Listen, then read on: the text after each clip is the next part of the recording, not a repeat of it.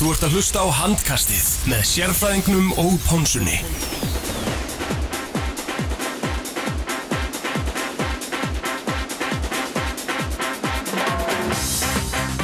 Já, komið í sæl og velkomin í fyrsta þátt af eh, handkastinu. Við erum hérna í bóði Coolbet og í samstarfi við áttuna. Við verðum með ykkur hér í allan vetur. Theodor Ingi Pálmarsson heiti ég, betur þekktur sem Tetti Ponsa og meðstjórnandi minn í allan vetur er Arnandað Arnarsson, betur þekktur sem sérfræðingurinn. Og uh, fyrsti gestu þáttarins er engin annar en fyrir maðurstofþjálfari FH, Átni Stefán Guðjónsson. Strákar ár við förum að tala um handbólta, upp á slæði eitthvað með áttunni. uh, hérna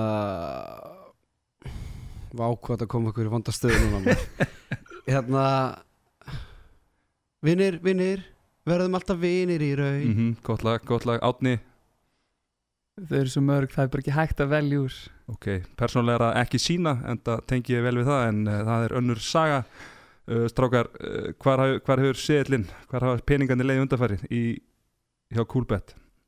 uh, þeir lágu í hérna Selfoss í Eurókjörninni Já, það var dundra á hérna nei ég er að ljúga þær, ég setta ekki á Selfoss. En, nei, en það er nægu tími fyrir það í allan vetur En svo við uh, vendum okkur hvaði kröss og fórum að tala um uh, ólistildina í vetur, hvernig líst ykkur á? Átni Stefán, ekki bjóðan Já, velkomin já, bara bjóðan velkomin Átni Já, minn. takk fyrir það, kærlega, gaman Já. að vera með ykkur og til hamingi með þáttinn já, já, takk fyrir það, það er hérna, þú verður okkur inn á handan í allan vetur Ekki satt?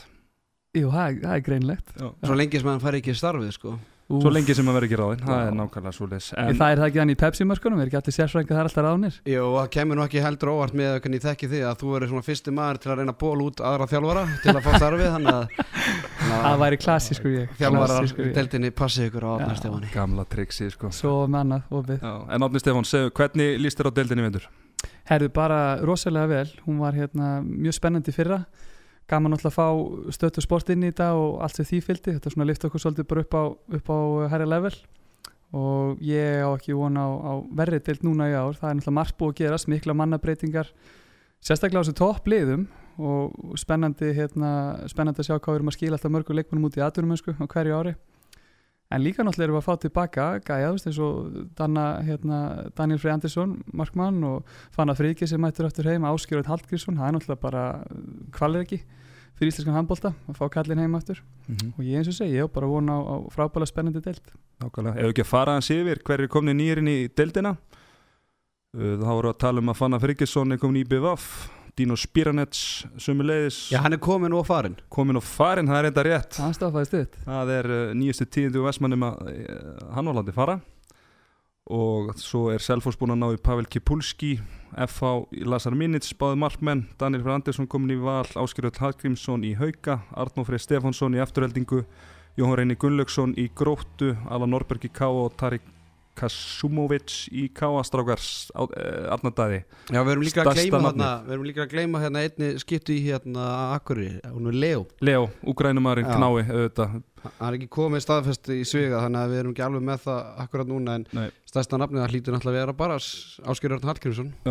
Alveg tímalust algjörlega, En algjörlega það var, maður veit ekki, það var kannski það fleiri stæri nöfn farið úr deildinni en á sama skapi hann alltaf yngri leikmennir elstum eitt ár og verið með reynslunum ríkari frá því En alltaf risar nöfn farið, F-haugan hann alltaf misk og hellingar leikmennum og ég myndi ég var að taka saman hann lista það maður bara Já, maður svona sjokkjærandi, hann alltaf Ágúst Eli Björgvinsson, Ísak Rapsson, Óður Þór Ríkarsson og Gíslið Þorgeir Kristjánsson, allir farnir frá F í aðdunumensku. Mm Mhm. Tættu þú kannski klára listan? Ef við ekki fara yfir uh, listan yfir þá sem eru farnir úr deildinu þá erum við að tala um Arrop Neðarsson er farin til Hamburgar, Teitur Rautn Einarsson úr Selfoss í Kristjánstad Ágúst Eli Börgusson úr FH í Sevehof Ísak Rapsson úr FH í Svas Tíról Óðinn Þór Rikkarsson úr FH í G&G Gísli Þorgeir Kristjánsson úr FH í Kíl Ólar Ægir Ólafsson úr Val í Leikerstafa geggja nafnaliði verið að segja. Björgum Pál Gustafsson úr Haugum í Skjern Mikk Pinnonen uh, farið til Ítalíu frá afturheldingu Nökkvi Dan Elliðarsson úr Gróttu til Arendal Arna Birgir Halldónarsson úr fram til Sönjísku og Karlu Strópus farin einmitt Ak- frá Akureyri til Dragúnas sem við sáum á móti selfistingum síðustu helgi. Strákar, stærsta nafni sem er stærsti misserinn getur orðað þannig. Hvað liða eftir að sakna uh, þess leikma sem er farin mest. Ég ætla að lefa átna að byrja og ég veit að ég mynd toppa því Vá, Vá, sko hann er alltaf rosalega auðvelt að horfa á þú veist eins og fyrir mig sem F og Strákis og Gísla eða eitthvað svoleiðis en ég held svona þessu nöfnum eins og stanir í dag myndi að vera Arur Rafn Eðvarsson. Ég veist Íbjöf Aff hafa mist mikið með honum. Tóku náttúrulega hann markmann frá Króatíu en hann virðist ekki hafa staðið sér nógu vel þannig að hann er farin heim aftur og, og markmannsmálið þar eru bara ekki góð eins og staðin er akkurat núna og þetta er náttúrulega Aron kannski ekki góður yfir tímabili en hann náttúrulega síndi í úslagkeppninni svo sannarlega úr hverju hann er gerður. Við, ég sjálfur þekki það aðeins og vel af einn raun. Þannig að ég, eins og segja, mér við þennan lista myndi ég segja Aron Rafn í dag. Og ég taka, já, hvað hérna ég sé endilega, Arda Birkir Haldunarsson mm. Framarnir eigi ekki breyki að fylla hans skarð og þessi maður var alltaf bara óstöðvandi í deildinni fyrra í lengi vegur og Mhm. vann, ég meina án hans hefði bara framarnir ég vil bara hvað sem fallið sko. Mm ég tek undir það. Þannig að, og svo náttúrulega Björgur Pátt Gustafsson sem náttúrulega var bara besti leikmaður deildarinn í fyrra þannig að, og svo Mhm. náttúrulega eins og F-fanginir og Þór frábær. Verður, getum við ekki sagt að F-fáingun hafi svona mest, mist mest svona hildir Já, Jú, tíma- er ekki alveg bara- algjörlega, bókað? Algjörlega. en ég held að framarnir muni ekki Mm. fylla skarð Arna Birkis bara heilt yfir. Nei, Nei, nei, ég saman því. Það En- er, það er vandfundið sá maður sem er eins og Arnar Birki hann náttúrulega uh, við vitum náttúrulega bara eins og hann var hann var orðin miklu heilst eftir líka bara þessi leikmaður fannst mér, hann var ekki svona þessi þessi loose cannon svolítið eins og hann var. Hann var fann að spila miklu meira fyrir liðið og var orðin bara var hann ekki fyrirlið líka hjá þeim? Þannig að hann var bæði vörn og sókn orðin, orðin mikilvægur, mjög Mhm. mikilvægur fyrir það algjörlega við förum betur við framliðið sem önnu lið í Spáni hér á eftir en uh, við hérna hvetjum ykkur góða hlustundur til að kíkja á Facebook síðan okkar, handkastið á Facebook og á Twitter. Og við verðum með glæsilega gjafaleiki í allan vetur í samstarfi við Coolbet og verður stæsti vinningurinn uh, ferð, luxusferð á Final Four í Köln í vor. Það sem, það sem að sérfræðingun og Ponsa verða hérna farastjórar Þar verðum við farastjórar við hefum nú farið áður til Kölnar saman og Við höfum farið menningarferð til Kölnar og ég get sagt ykkur það góða hlustundur að það er eiginlega ekkert sem topp á það. Nei, þannig að fylgist vel með á, á handkastinu bæði á hérna, Facebook og Twitter í allan vetur. Verðum að gefa alls konar vinninga en eins og þetta segir, stærsti vinningurinn verður helgaferð til Köln í mæ á Final Four úrslita helgina í mestaradildinni með sérfræðingum og pónsunni Vá, Nota bene. rísa stort Það er stórt, það er stórt en strákar ef við ekki fara yfir uh, spána? Við hendum í löflétta spá hérna fyrir deildina og uh, við verðum ekkert, að flækja þetta með að byrja eitthvað á sjönda og vinna okkur niður. Við byrjum bara á tólta sætu og vinnum okkur upp. Þetta er ekki flókið?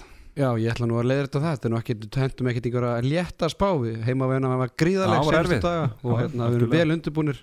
Og- svo, og ég var einmitt að í útastætti á sunnudaginn hér á áttunni. Og ég var að auglýsa þáttinu ég sagði bara að ef fólk vil undirbúa sig vel fyrir komandi vetur þá endilega haldið áfram að hlusta því að þið verðið sko þvílíkt fróð eftir að hlusta á þetta verði ekki svikin ég verð ekki svikinn sammála því en Ég held líka bara svona, þú veist, kannski sem svona einhver sem þekkir þetta kannski aðeins, ég held að þetta er eitthvað sem greiningadeldi bankana getur bara verið stoltar af, sko. Þetta er rosalegt dæmi hérna hjá okkur, já, já, já. þessi spá. það er búið að fara með þetta setja þetta í alls konar greiningar og notuðu öll tæki og tól sem að hægt er í það allt en eh, strákar, tólta sæti þá setum við lið Akureyrar uh, í fyrra endu þeir í fyrsta sæti í grill 66 deildinni uh, og fóru sem sagt beint upp þurftu ekki að ferja um umspil. Þjálfarar Ingimundur Ingimundarsson og Sverri Jakobsen uh, Jakobsson og hérna uh, gamla þrista parið hjá landsliðinu uh, komnir Gunnar Valdemar Jónsson frá stjörnunni Valþór Alli Guðrunarsson frá IR Finnur Salva Gersson frá Fram og Leo. Leo, úkrænumæðurinn sem býr frítt hjá Ígor. Það er þannig. sem býr fríti á Ígor og, og við munum vantilega að kynast honum betur í vetur. Við kunnum ekki mikil deila honum á þessum tímapunkti en það mun klálega breytast.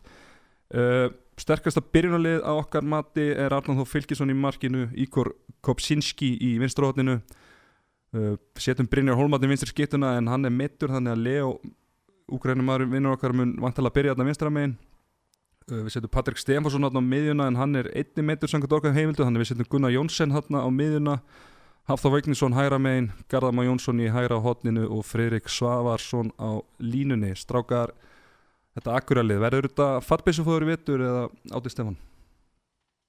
Um, kannski ekki alveg fallbissu fóðu þannig lagað en svona með alltaf gæðin á mannskapnum eins og hún er í dag og svona þá leikmenn sem þeir eru að fengi til sín með fullri virðingu að þá held ég því miður að þetta sé lið sem er að fara beinustu leið aftur niður í kring 66 deildina.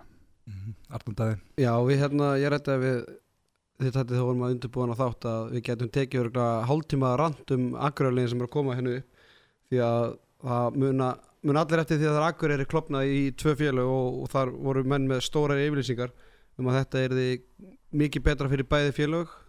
Vissulega komast þau upp úr gríðarlega dabri fyrstu deild í fyrra og óskun alltaf agrarlegin til hangi með það en það voru stórar yfirlýsingar þegar agrarlegin klopnaði tventum að liðin ætla að gera þetta alvöru. Uh, heimamenn Akkur er alltaf í gamla Þór og þeir ég held við fram að gamli Þórsarar myndu bara koma heim. Nöfn eins og bara Ottur Greta sem væri tilbúin að koma og Bubbi margmæður stjörnunar og fleiri til Átni Þór Sigtrísson sem er gengur svo langt að segja bara Arnur Gunnarsson myndi dyrka að koma aftur í Þór sko þannig að orðin, eða, það voru stóra orð látið falla styrkingin í sumar er náttúrulega til háborna skammar. Og, hérna, og það er bara spurning hvort að peningarnir sem til, var talað um séu bara ekki til staðar. Uh, liðið var að keppa á opna norðlæska mótinu töpu gegn Káa sem akkur í fyrra voru betra en Káa ég sé ekki fram á það að akkur sé að fara að ná í marg, marga sigra en vissulega er það náttúrulega með svona undir í gæðsalegu sterkan heimöðl mm Strákar, það er leikmaður Hafþó Vignesson sem ég er endar mjög spenntur að sjá skoraði mikið fyrir það á síðasta tímubili örfendur strákur, óragur. Uh, hvernig haldið hann muni pluma sig í deildinni vindur?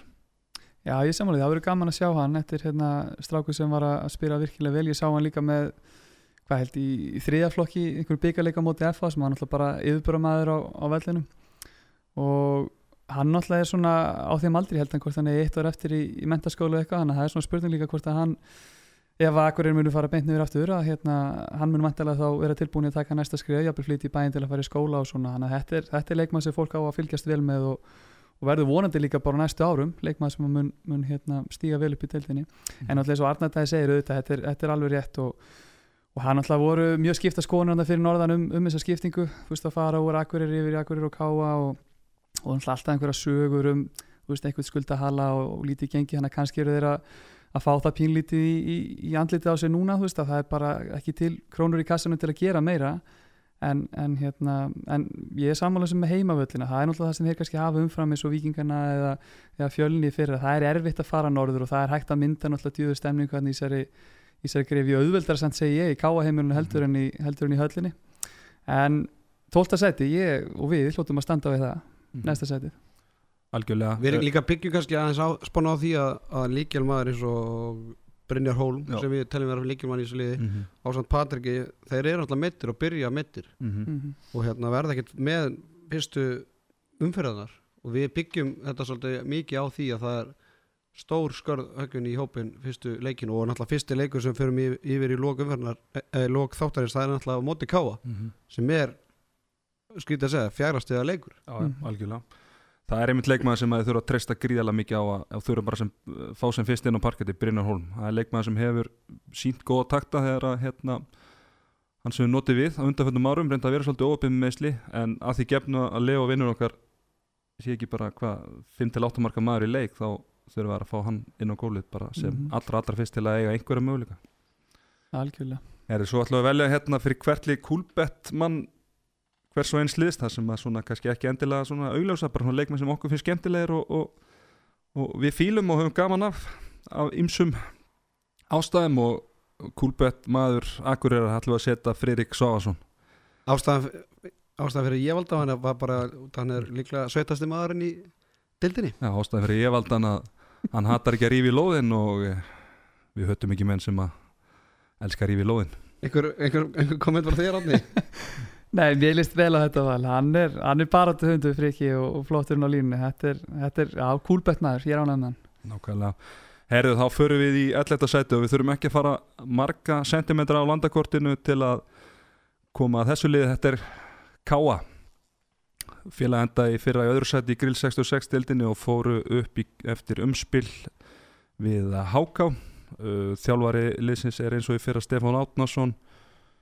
Uh, þeir eru búnir að fá Alan Norberg frá Stíf í færium og góðvinn okkar átni Daniel Mattisson frá Hömrónum og annan góðin okkar Tarik Kasumovic frá Bosníu en Reitþór Haugsson er hættur strákar uh, káalið Arnardæði, hvað getur þú sagt okkur um það? Já, eins og segir, þeir fóru náttúrulega í gegnum þetta umspil í, í fyrra að hafa fengið Tarek Kus, Kusumovic Kasumovic sem þú kannski þekkir eitthvað átnið ekki? Jú, við hérna fengum hann til reynslu hjá okkar hjá FH fyrir hvað þreymur árum, ekki tveimur árum Þetta var í janúar, janúar, glugg, janúar 2015 janúar 2015 þegar það var lítið búið að ganga hannilega fram 2016 fyrir ekki, 2016 2016 og hérna hann var, hann var mikið skoðaður á, á YouTube þeirri góðu síðu og fengur náttúrulega fullt af klippum og, og honum var bóðið til okkar og mætt á tvæð-þrjá æfingar og við allavega hrifust ekki á honum hann var sendur bara beinustulega heima aftur. Þetta er stór strákur, þetta er mikil skrokkur. Við náttúrulega séð það bæði náttúrulega á þeim tíma og þeir sem hafa hort á, á æfingamóti fyrir norðan hafa séð það hann er hann þarf sína flugbraut og, veist, er ekki, ekki fljótur á fótunum og hann náttúrulega spilar, eh, þeir spila hann hérna í þristunum varnarlega og, og hafa nú svo sem kannski ekki svona ekki hættulegustu menn deildarinnar að fara svolítið öll af framhjóðanum allavega með það sem ég sá í þessu móti. Þannig að það verður spurning hvort hann verði svona þessi, þessi drivkrættu sem það er kannski ætlunum að verða en það þarf alltaf að búa eitthvað til í kringum hann ef, ef hann á að ef hann á að raðin mörgum fyrir þá. Og svo náttúrulega flottið að maður fá Danna líka og þetta sé svona kannski ekki stærsta nafni í bransanum en, en við tættum þekkjum Danna vel frá, frá því hann var í, í FA á sínu tíma og þetta er náttúrulega bara áttu hundra gamla skólanum og þú veist, sem þjálfari þá elskar að hafa svona leikmann í þínu liði og svo segir hún bara að hlaupa, hlaupa á vegskilur og hann stoppar ekki fyrir hún segir stopp. Og náttúrulega rosalur íþróttamæður rosalur íþróttamæður, mikill skrokkur einn umlast í crossfittar í landsins. Einmitt, og flottu líki í hóp, þetta er ljúur og góð strákur sem að gefst aldrei upp. Þannig að það verður, verður flott fyrir það að fá hann inn í þetta. En, en Arna Dæmi, menna, veist, er, er þetta lið sem er að fara að halda sér upp í deildinni? Blákalt? Nei, ég, Nei. það er ástæðan fyrir að hendiðum í 11. sæti og við vorum eiginlega frekar sammála um neðri hluta deildarinnar. Og hérna ástæðan er bara svo að fyrstildin, það er bara greiðarlega mikill munar á ólistildin og fyrstildin og, og þeir voru ekkert sannfærandi þannig séð í, fyrra, þeir tapa moti ungmeðanlið hauga til dæmis mm. mjög sannfærandi í þeim leik. Uh, styrkingarnum að veit náttúrulega hvernig hérna Nordberg, Allan Nordberg já, frá, frá færum já, og hérna, en hann er örfendur hodnamaður og það er nú ekkit ég menna hann er alltaf betra með örfendamann í, í hodninu mm -hmm. uh, ég veit ekki hvort að þetta lýsi eitthvað meira spennandi en akkurat og svona með kúkabati í markinu alltaf mm -hmm. orðin, ef, hann... ef ekki fara hans yfir kannski bara sterkast að byrjunalið uh, það eru að tala um Jón Kúkabati í markinu uh, undir 18 ára landsinsmaður Dag Gautason í vinstráðinu, Tarik vinnur okkar í vinstri skittu Sigþó Gunnar sem er 20 ára landsinsmaður ekki satt á miðjunni. Uh, Ági Eirsnes hægra megin hæri skittu og alla Norberg í hodninu og Einar Birgir Stefánsson ungu strákur á línunni strákar uh, þetta er, er ágættið spyrnalið. Þú horfir þetta svona á pappir það lítur ágætt lút en breytin, við erum að tala um að þetta er mikið af leikmennum sem að hafa ein, litla sem ynga reynslu, ungi leikmenn eða bara svona gamlir gamli kalla sem að það hefur verið dregnir og fætur. Heimir Ótt Náttúnarsson er hérna Einarlói Friðjónsson Elvar Haldosson Jón Heiðar Sigursson menn sem að voru lungu hættir og eru byrjar aftur þetta lið, það má kannski ekki við miklu skakvöldum Arnandaði Klárlega ekki. Og hérna já, nú verðum að passa hvað maður segir. Heimir Átnarsson alltaf skaut hressilega á sérfræðingin á Twitter í fyrra þannig að maður veit ekki hvað maður segja þegar hann er leikmaður en þannig að ég ætlaði svona eiginlega bara að skipa umræðan um káa og því sem nú ekki þekktu fyrir að láta menn segja mér til verka en þá þóri maður ekkert að segja svona Heimir Átnarsson alltaf skaut svo hressilega á mig á Twitter á síðan tíma ég var bara lengi að jafna mig, ég ringdi með veikan í vik, viku eftir þetta sko mm -hmm. en já eins og hann tala hann alltaf heimavöldurinn það er alltaf miklu meiri stæming í hérna káa heimirulega en höllinni mm -hmm, uh, þeir er alltaf með Dag Gautarsson sem er bara frábær hodnamaður og, og hérna kannan segja fröðu, hann alltaf er á undal Stephen Tobar Valencia í úlingarnæsliðinu mm -hmm. og Stephen Tobar var að fá mikla aðtikli fyrir svona sína framhauðstu í fyrra og hérna það verður gaman að sjá hvernig dagur svona mun koma fram á stóra sviðinu hvort að hann sé, hvort að þetta sé svið á stort fyrir hann.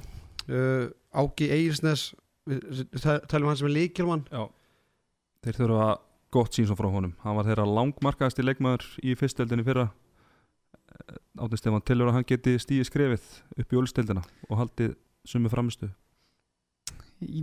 Nei, kannski ekki alveg sömu framistu en eins og Arnardæði segir á hann það er tvent ólít að vera að spila í, í, í grill 66 deildin í Hamburgurnu þar og koma svo upp í, í ólisteildina í alvöruna. Í bensinnið? Í, í bensinnið, bara úr borgarunum í bensinnið. En hérna sko þetta er, er svona gaman svolítið aðeins að byrja þetta saman ef maður skoða þetta svona aðeins alltaf á papirnum að, að Káa náttúrulega hafa eins og segja, þetta, þetta ágæta spyrunlega svo sem eru með unga stráka þarna en, en á bakvið eru þessi reynslu miklu menn uh, heimir náttúrulega, er hann ekki er hann ekki titlar aðstöðhálari hérna núna eða hvað, ég held það, Mhm. með steppa veist, dagur er með andra snæðan á baka þessi hotninu, þetta eru strákar sem hafa upplifað það að spila í efstu deild og vita svolítið út á hvað þetta gengur á meðan kannski meira akkurina megin en alltaf reynslan í þjálfarateiminu hjá Mhm. Sverri og, og hérna og Ditta, þannig að það er svona spurning hvernig, hvernig dýnamíki þar verður á milli en þetta er allavega þessi tölið sem við spáum falli aftur og kannski augljóst að spá liðunum sem koma upp úr fyrstdeildinni þessari niðurstöðu það sem að styrkingin er þó ekki meira en þetta. En hann alltaf veltur mikið á, á hérna útlendingunum tveimur annars vegar hjá Akkurir og Leo, vinn okkar og, og svo Tarik hérna held ég. Ég ætla að viðkynna það, það ekki hann allan bara ekki neitt en, en Tarik kannski svona á að vera þeirra svona dýnamíti í vetur. Mhm. En styrklegi kálesis getur ekki sagt kannski svona umfram um sér lið sem að þau verða að berast um fallið það hlýtur að vera heimavöllur þar Jú. þurfa að vera að sækja stíðin í vetur alveg hygglust klárlega og, og ef við höldum á, aðeins áfram hérna með þessa leikmenn sem er í káaliðinu og með Mhm. fullir verðingu fyrir föriðabjór og hann sé góður en hvað eru við stattir þegar líkilmaður Ólistil Kalla kom, kemur frá færi sko? hvað eru við stattir í lífinu þá sko? Það er góð spurning að það verður gaman að fylgjast með honum og, og hérna eins og ég segja, hann þarf að eiga virkilega gott tímabil uh, Kúlbett maður káleisins þar setu við Andra Snæ, hann er þrautreyndur, búin að vera þarna hvað er hann, hann er 32 ára ekki satt, Jú, hann er að- líka, Já. 86 hann samt örgulega búin að vera meir en helmingin æfi sinni í meistaraflokki. Búin að upplifa þetta allt saman. Og er að þjálfa alla flokka þarna. Já, þetta er eitthvað mest í toppmaður. Toppmaður, er hann ekki, myndu ekki bara segja, er hann ekki herra káa í dag í handbóltanu? Því líkur öðlingur og mestari sem hann er líka. En það, veist, þetta líka skiptir máli að vera með svona gæja sem eru, þú veist hann mun örgulega sætta sig við að vera bara númer tvö með degi í veturskilun og veit hann það bara ungur eflug stráku komin upp og veist, þetta eru líka gæðinni sem geta kreist alltaf út fyrir þetta smá auka reynsla á æfingum og allt þetta. Algjörlega. En þetta er bara ekki nóg. En það er ekki gott fyrir já, að þú kannski svona þurfa að treysta mikið á gamlu menna ef að þessir yngri myndu dett út, það er kannski ekki óska staða. Ekki líka yfir svona, veist, heilt tímabil þetta er langt og strand tímabil og, og veist, ég á eftir að sjá þess að gæja alltaf halda út, er það ekki, er ekki svoleiðis Algjörlega. Uh, í tíunda sæti fyrir við á Söðurabóin alla leiðina á Seldjarnanesið, það er gróta. Uh, í fyrra endur þeir í níunda sæti deildarinnar. Þjálfarin er Einar Jónsson og þeir sem eru komnir eru Leanar Þorgir Haraldsson frá Haugum á láni, Átni Bendit Átnason er byrjar aftur, Alessandr Jón Másson er komin frá Val, Jóhann Reyni Gunnlaugsson frá Randes í Danmörku, Sigfús Páll Sigfússon frá Fjölni og Ágúst Emil Gretarsson frá IBVF uh, sterkasta byrjunarlið grótuleysins okkar mati það er hriðarlefi í markinu Vilhjálmur Haugsson í vinstrahotni Jóhann Reynir vinstramegin uh, Siffi, Siffús Pall á miðunni Leonard A. í hærskittunni og Ágúst Emil í hærahotninu og Hannes Grimm á línunni.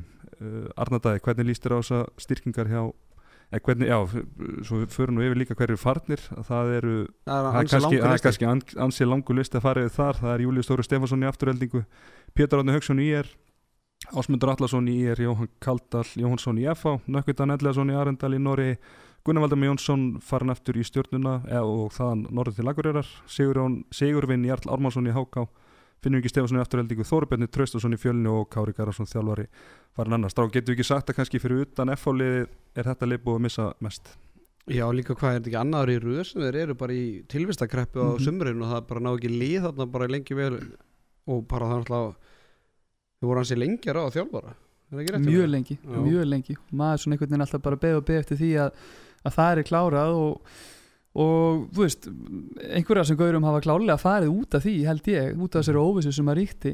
Maður horfði bara eins og stráka sem að veist, eins og kannski Pétur Átna Ásmund sem fóru svona undir að síðasta. Mm að meina, veist, hefði ekki verið eðlilegt fyrir grót að halda í svona gæja. Ungir uppaldi strákar og, og veist, hefði fengið örgulega stórt hlutverki í vetur.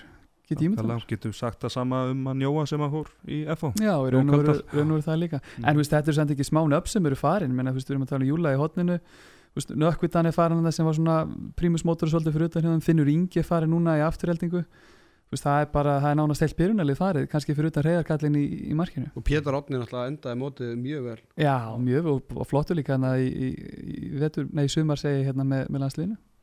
Að, algjörlega en styrking, ég veit ekki þú varst að spyrja mig hvernig mér líst á þessu styrkingu ég veit ekki hvort að ég kalli þetta styrkingu eða bara félagskipti Já, sko. já, þá er leikmenn sem eru komnir inn, getum orðað þannig Jóhann Reynir Gunnlaugsson, hann er búin að líta mjög vel Já, það er alltaf stærsta nafni sem er komið átni Benedikt er náttúrulega að koma aftur eftir hvað eins eða tveggja ára fjárveru Mhm. hann er náttúrulega með stort gróttu hjarta og getur hjálpað liðin en hann er svona svona leikmaður sem maður veit ekki alveg hvað maður hefur sko.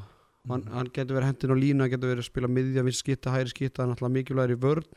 Þannig að hann er svona fjölbreytur en samt svona takmarkaður. Mm Nákvæmlega, hann getur ekki sagt uh, gróttulegum til tekna eins og við tölum á hann um káali að það hefði framjör sér liði kringu sig að vera með góðan heimaöll að gróta er með langbesta markmannin á þessum liðum Top 3 markmar í deildinni jafnvel. Já, já, engi spurning og ég menna ef að, að gróttulið ætlar að halda sér í deildina því menna ég heldur sem við bara talið á þar þeir eru ekkit að vera einhverju miðjum þeir eru bara að berast þeir í lífi sínu að, að þá verður náttúrulega reyðar að eiga heilsteift og gott tímabil hann náttúrulega var frábæra köplum í fyrra datt hann svona aðeins niður en á milli kannski, ég veit að ekki menna kannski aldurinn eitthvað aðeins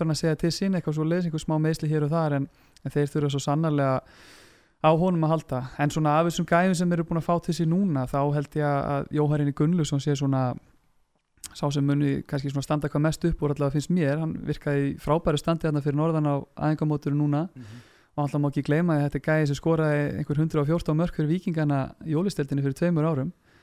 Og bara, já, leit virkilega vel út að vísu í æfingarleikjunum, hann alltaf segir ekki allt. Mhm. en hérna, en hann mun vera held ég á svona þeirra, þeirra svona mesta styrking af þess, þessu strákum sem eru komnir. Algjörlega, það er eitthvað eitt nafn sem vantar hann að lista reyndar sem að var að spila með þeim hérna fyrir norðan það er Magnús Ötter, selvisingur sem var í þrótti fyrir, hann, hann spilaði vel á þessu móti, ég bara þekki ekki hvort að þeir séu búin að semja við hann. Allan ekkert komin í frétt um það en það er svona, er það ekki leikmaður sem að verða svona, hvað að segja, fyrstur á bekk kannski, hann er ekki að fara að starta en Já, það fer eftir hvort að hann er átni Benedikt síðan þarna undan á, á Beck það kemur kannski vartanskiptingun maður veit ekki hvað standi hann er en jú, Magnús Ötur, þeir tala vel um hann þeir leikmenn sem maður hefur talað við í gróttu og það er svona leikmenn sem fáir vita hver ég er en Já. hann er búin að vera lengi í þessu eða svona þannig séð, hann að spila mikið í fyrstöldinu bara. Mhm. Strákar, Svo náttúrulega komin nýr þjálfari, það má ekki gleyma því. Einar. Jónsson komin frá, frá stjörnunni. Þannig að hann mun það er svona spurning hvernig gengi á gróttu verði þetta er náttúrulega mikla breytingar. Þú veist, nýr þjálfari þokkabót nýjar áherslu vantilega með, með hvernig það verið að stilla þessu upp í, í vörn og sókn. Þannig að þeir kannski munu eða hvað, Arnar Dæði, taka eitthvað smá tíma í að finna taktisinn. Já, hvernig var þetta í fyrra? voru þeir ekki með 0-0-6 í byrjunum vet vetras eða á- voru 8 tapir fyrstu 8 leikjum eða eitthvað, það var eitthvað álíka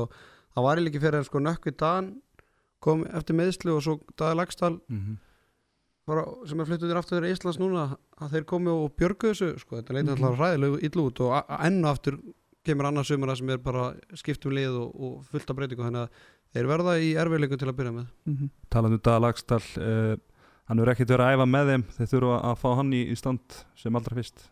Já, maður, maður veit aldrei hvort að hann komi já, vel um árumótin og spila við liðinu eftir árumótin, það verður komið ljós. Hann er að gera frábæra hluti í Íslandi strákurinn það er drengur hann sem er fenguð frá IBF Ágúst Emil Gretarsson hann hefur svolítið þurft að býja í skugganum hjá hann Tetta í IBF undanverðin ár.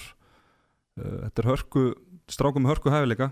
Uh, hvernig áttu stefan, hvernig telur að hann muni pluma sig í aðallutverki hjá gróttuleginu vetur? Já, ég held að þetta sé bara mjög gott skrif fyrir bæði hann sjálfan og, og gróttu. Og þú segir, hann er búin að vera hann í skugganum að þetta heil lengi og er raunur svipur staði hinum einn í vinstri hotninu hjá Gretar Eithos að þeir eru náttúrulega með unga græða strákaðan á bakvið sig sem að hafa svona undarfærin ára alltaf fengið svona inn á milli í sína mínútur.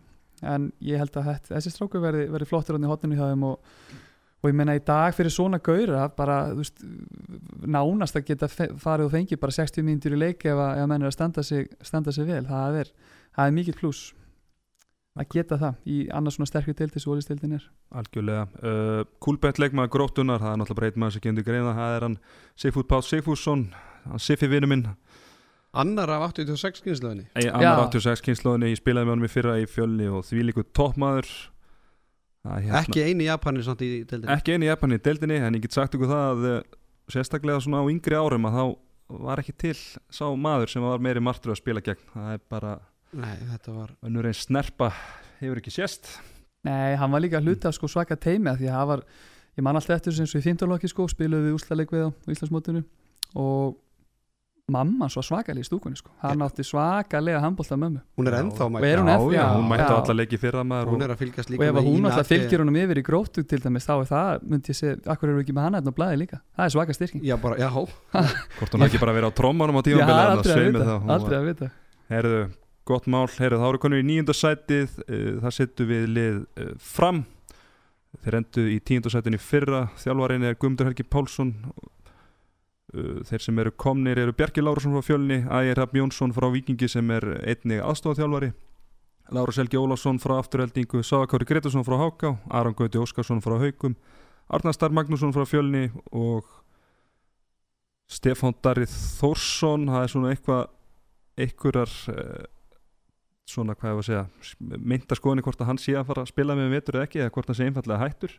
Já, hann allavega gerði félagskiptið Þannig að hann er mættur hann Hann gæti spila með hann geti spila með nákvæmlega og farnið það er eitt leikmaður en engi smá leikmaður. Arnar Birgir Haldánsson uh, sterkasta byrjunliðið okkar mati er Viktor Gísli markinu Andri í vinstra hotinu Siggi Sveðja í vinstri skittu Tóki á miðunni, Aragauti í hæri skittunni Þorgett Davíð í hæra hotninu og Ægir á línunni strákar framararnir þeir að fara þetta svolítið á léttleikunum undanfærin ár. Arnar Davíð, hvernig hvar sjáum við framarna, hvernig sjáum við framarna í vetur? Já, þetta er náttúrulega við spáðum einu sæti ofar í núna en í fyrra samt sem áður. Eins og ég sagði í byrju þáttarins er það búin að missa mannin sem bjargaði frá falli Arnar Birki. Þeir hafa fengið tölvört að leikmann en þetta er svolítið breyttur hópur. Þetta er nú ekki rísanöfn sem er að fá svona þannig uh, Lárus Helgi er að koma hann inn frá afturlingu hann náttúrulega verður bara varamæður á eftir Viktor Gísla. Ægir Hrafni náttúrulega alveg á seinustu metrum og hefur verið það seinustu ár en samt alltaf stendur alltaf fyrir sínu. Uh, meira er það ekki. Mattias Staðarsson er svona on-off hann er í, í flugfreyðinni Mm -hmm. þannig að hann geti spilað eitthvað minna með núna en í, í fyrra. Hann var allir svona mikilvæg hlutverki bæði varnarlega eða sérstaklega varnarlega í fyrra.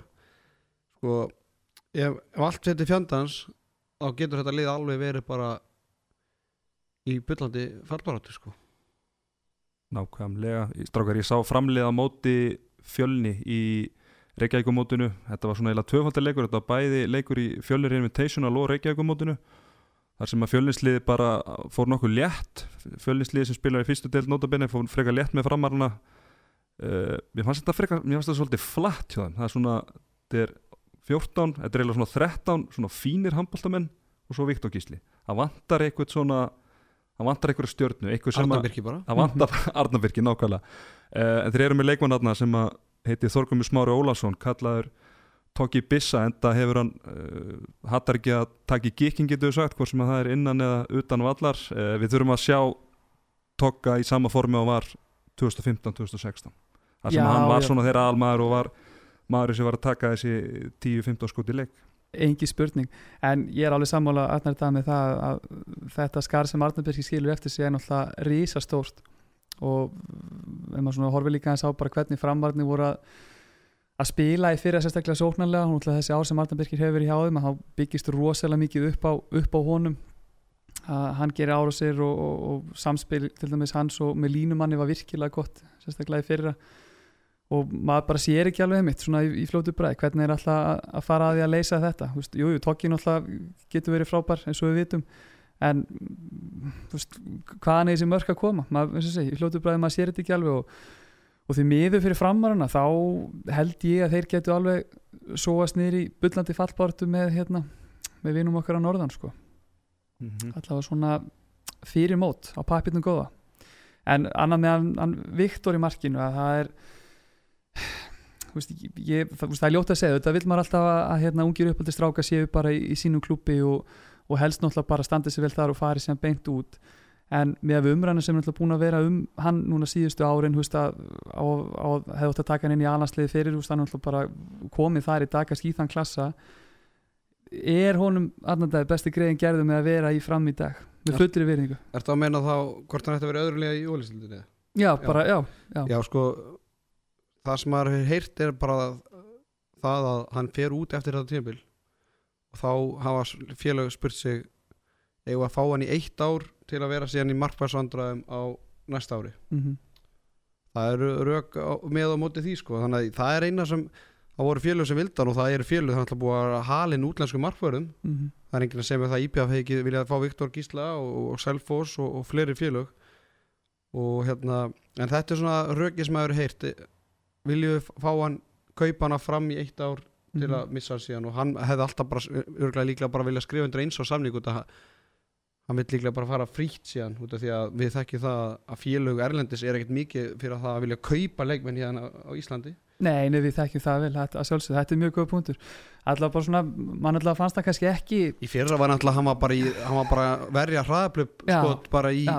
80% tilvæg Já. út af því að framgar gat ekki raskat Hann var svolítið bara skotin í kaf. Já, og það er svona kannski mun hjálpa núna, ég veit ekki þú veist, þú náttúrulega fá þér ágætis hæðarnir í miðblokkinu með ægi, geta verið með hann og, og sigga saman, en hann alltaf mér finnst það, hann, veist til að kannski taka meira skref núna stærra skref, hefði, alltaf hefði verið gaman að sjá hann með sterkari vörð fyrir fram að sig að, veist, hann alltaf er ógæst efnilegur og verður það áfram, en, en tímabilið fyrir allavega held ég hafi nú ekki hjálpað mikið til svona í hans þróun, sko nei, ég er alveg saman því það var svona, það var ekki fyrir hvað, bara undrúnslindi byggar Mm. sem hann svona Mhm. fekk eða þá, þá sá maður hans rétt andlit svona loksins, annars var þetta bara, ég veit ekki hvort þeir að vera að æfa mikið hraðablöp skot bara á hann í all, allt sumar sko. þetta var bara, og svo er náttúrulega í þessar framlíkjandi vörd sem var náttúrulega bara já, bara, bara eins og gott gatasikti já, bara lélegt gatasikti sko. Ha, bara lélegt gatasikti sko. að, Ákvæðlega. En þeir þurfa uh, framararnir topp tímabil frá og mikið lagt á hann unga dreng, hann er einungis 18 ára gammal Já, og, hann þarf, já, hann þarf, og hann þarf að vera bara gríðalega stabíl í vetur ekki spurning og, og, og við sjáum það líka bara eins og þeir slá okkur út í fyrra í FO í byggandum ég meina, þá að sína þessi strákur svo sannalúk hver hann er gerður og, og framleiðu þetta allt skilur og hitt á frábærleik þar en, en það er náttúrulega, þetta er kemur klísjar með, þetta er náttúrulega marathórun ekki sprell upp þessi deild, hún er löng og ströng og, og bara vonandi hans vegna og framarna vegna nær hann að- ná flottu tímabil núna með fýt vartaleg fyrir fram að gott fyrir hann að vera komið með mannis og Lárus Helga til að bakka sig upp. Hann hefur náttúrulega verið bara með nánast jafnaldar sinn hann með sér. Hann Daniel, hann er ekki gott fyrir hann að vera með mann sem að, veist, Lalli, hann er 31 ás mann sem hefur marga fjörun og sopi í þessum bransa. Haldið haldi að það mun ekki telja mikið fyrir hann? Arnandæði jú, það er alltaf tvímælast betri og, og meira reynsla í því og Lalli getur tvímælast hjálpa á honum og hérna en ég ég skil ekki alveg þetta sæn hvort að Lalli að bara vilja hitta bróður sinn og veri með bróður sinn í klefan menn en, en eitt skipti sko. Þeir náttúrulega það er- var að spila saman með gróttu, háka val afturöldingu og svo núna hérna fram. Þeir hafa fallið nokkur sinnum. Þeir hafa fallið nokkur sinnum þannig að uppskriftin er að framgændi falli í vetur, það má ekki gleyma því. En jú, jú, vissulega er þetta náttúrulega tímarast betra fyrir Viktor Gísla að vera með Lalla hann með sér og, en svo má ekki gleyma því að þeir eru alltaf með þriðamarkmann líka Heru, það er engin annar en Valtýr Már Hákonarsson sem við setjum sem Kulbett leikmann framleiðsins. Arnardæði Segðu segðu hlustendum aðeins frá, Nei, ég held- frá, það- frá valtaranum eins og við hann það má, eða, það má eiginlega ekkert segja Nei. frá honum sko. Nei, nei, nákvæmlega það verður eiginlega bara að píða betri tíma sko, en, En, Týri en við getum orðað maður. hann hann er, þó hann sé kannski ekki aðal hlutverki í liðinu þá er hann í aðal hlutverki þegar að liðið gerir sér glæðan dag, við getum orðað þannig uh, vindum okkur í Það er áttundas aðeins kannski ánöldum ára að maður grípi inn í með, hérna, með markmennar með Lalla að fá hann að vissulega jú, mun örgulega hjálpa honum eitthvað svona í teiminu og allt það en það er líka bara stundum sem svona ungi stráka þurfa að fá bara virkilega góða samkeppni Mhm. á æfingum. Og ég meina þó að Viktor Gísli sé klálega þeirra fyrsti maður að vita allavega að það er einhver á bakvið sem getur hýrtaði stöðun eða þú verður ekki alveg að finna því að stundum getur það líka hjálpa. Mhm. þannig að vonandi mun þá Lalli og jafnvel Týri líka hjálpa honum við því. Já, já, hann er góður í actionu, hann týri, það verður ekki tekið á hann en mjög góða punktur. Uh, Vindum okkur í áttunda sæti, það er lið IR sem að endaði í sama sæti í fyrra, þjálfarinn er Bjarni Fridsson og þeir sem eru komnir er Sveitn Jóhansson frá Fjölni Pétur Átni Haugsson frá Gróttu Steffi Nílsen frá IBVF og Ásmundur Atlasson sem kom einnig frá uh, Gróttu. Og þeir sem eru farnir er Árið Þorkelsson sem er farin tilbaka til Hauka úr láni og Gretar Ari Guðjónsson sömu leiðis uh, sterkasta byrjunarlið að okkar mati hjá Íringunum er Steffen í markinu, Sturla Áskesson í vinstur átinu, Björgun Holgesson í vinstri skittu, Bergun á miðunni Pétur Átni hægra megin Kristján Orri í hægra hotninu og Sveitn Jóhansson á línunni. Stráka, þetta er svona eitt af þeim liðum sem að ég er hvað spenntustur að sjá að veitur gríðlega þó kannski byrjunarliðinu séu alveg reynslu boltarinn á milli en það er mikið ungu leikmennu sem er í stórum hlutverkum í þessu liði Já. Stefán Já, nei, ég ætla að Ætlar þú að fá að taka Já, þetta leifum- sérfræðingum að Já, byrja Já, já, sérfræðingur. Sko hérna, þetta er alltaf það lið sem hefur tekið hvað lengst á undirbúrstöfili á þessu tímabili og fóru náttúrulega í æfingaferð eða keppnisverð um mitt sömar Og- segja okkur aðeins betur frá því. og leku í HSI hvað var Þeir fóru á hérna st mót, stórmót í U20 Já, Bjarni Friðsson tók bara í að liði með sér á, á það mót og þeir voru náttúrulega bara að byrja að undirbúa sig fyrir mótið, eða úrlistildina þar. Og ég held bara að þetta sé í fyrsta skipti bara frá upphafi frá því að handbóltum var fundin upp að félagslið taki þátt í landsleismóti það er ótrúlegt að engum hafi dottið þetta í hug fyrr. Það er ansið magna Þannig að þú vilt menna þessi komið vel drillar inn í deildin og Já, geti ég jafnvel enda ofar? Já, áttunda sæti með að við undirbúning sem það er tekið er, er þið bara vonbrið Það er svoleiðis strákar eh, kannski stærstu fréttinnar fyrir íringana er að Björgvin Þór Holginsson er byrjar að sprikla aftur. Átni Stefán, það er Já, stórt.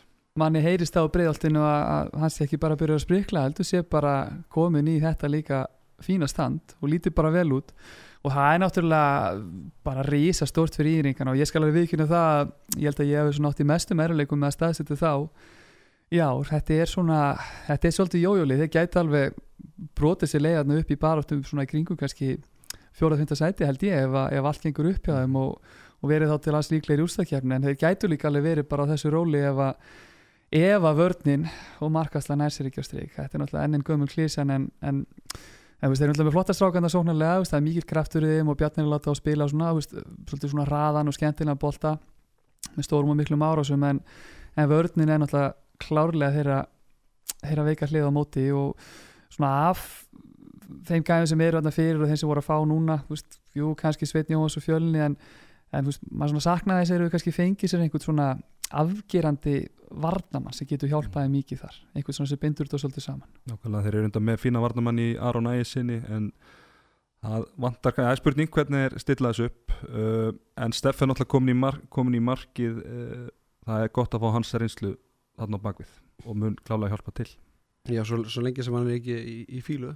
Svo lengi sem hann er ekki fílu, það er bara En, en kom ég, kom, ef hann á ammali að koma með hérna, ammaliskóki í klefan og svona já, já, en með hérna bara í alvöru tala þá er þetta svona þetta er svona spennandi verkefni. Og hérna ég svona spennandi hópur sem Bjarni Fritz með í höndunum og maður spyr sér svona ef hann næri ekki neinu núna úr þessum hóp er, er hann þá komin á endastöð hann er alltaf búin að vera hann að hvað í er þetta ekki fjóra hans mm -hmm.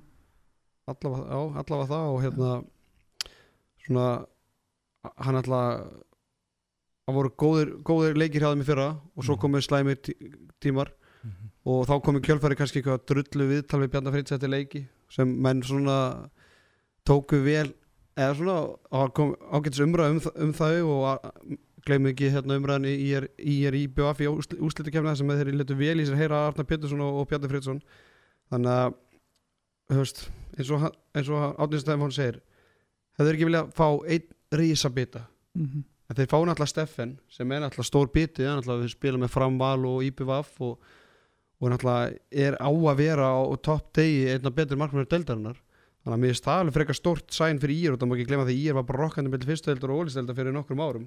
Þannig að mér finnst þetta miklu meira spennandi verkefni til þess að það sem er að gera þessi gróttu eða, eða fram sko.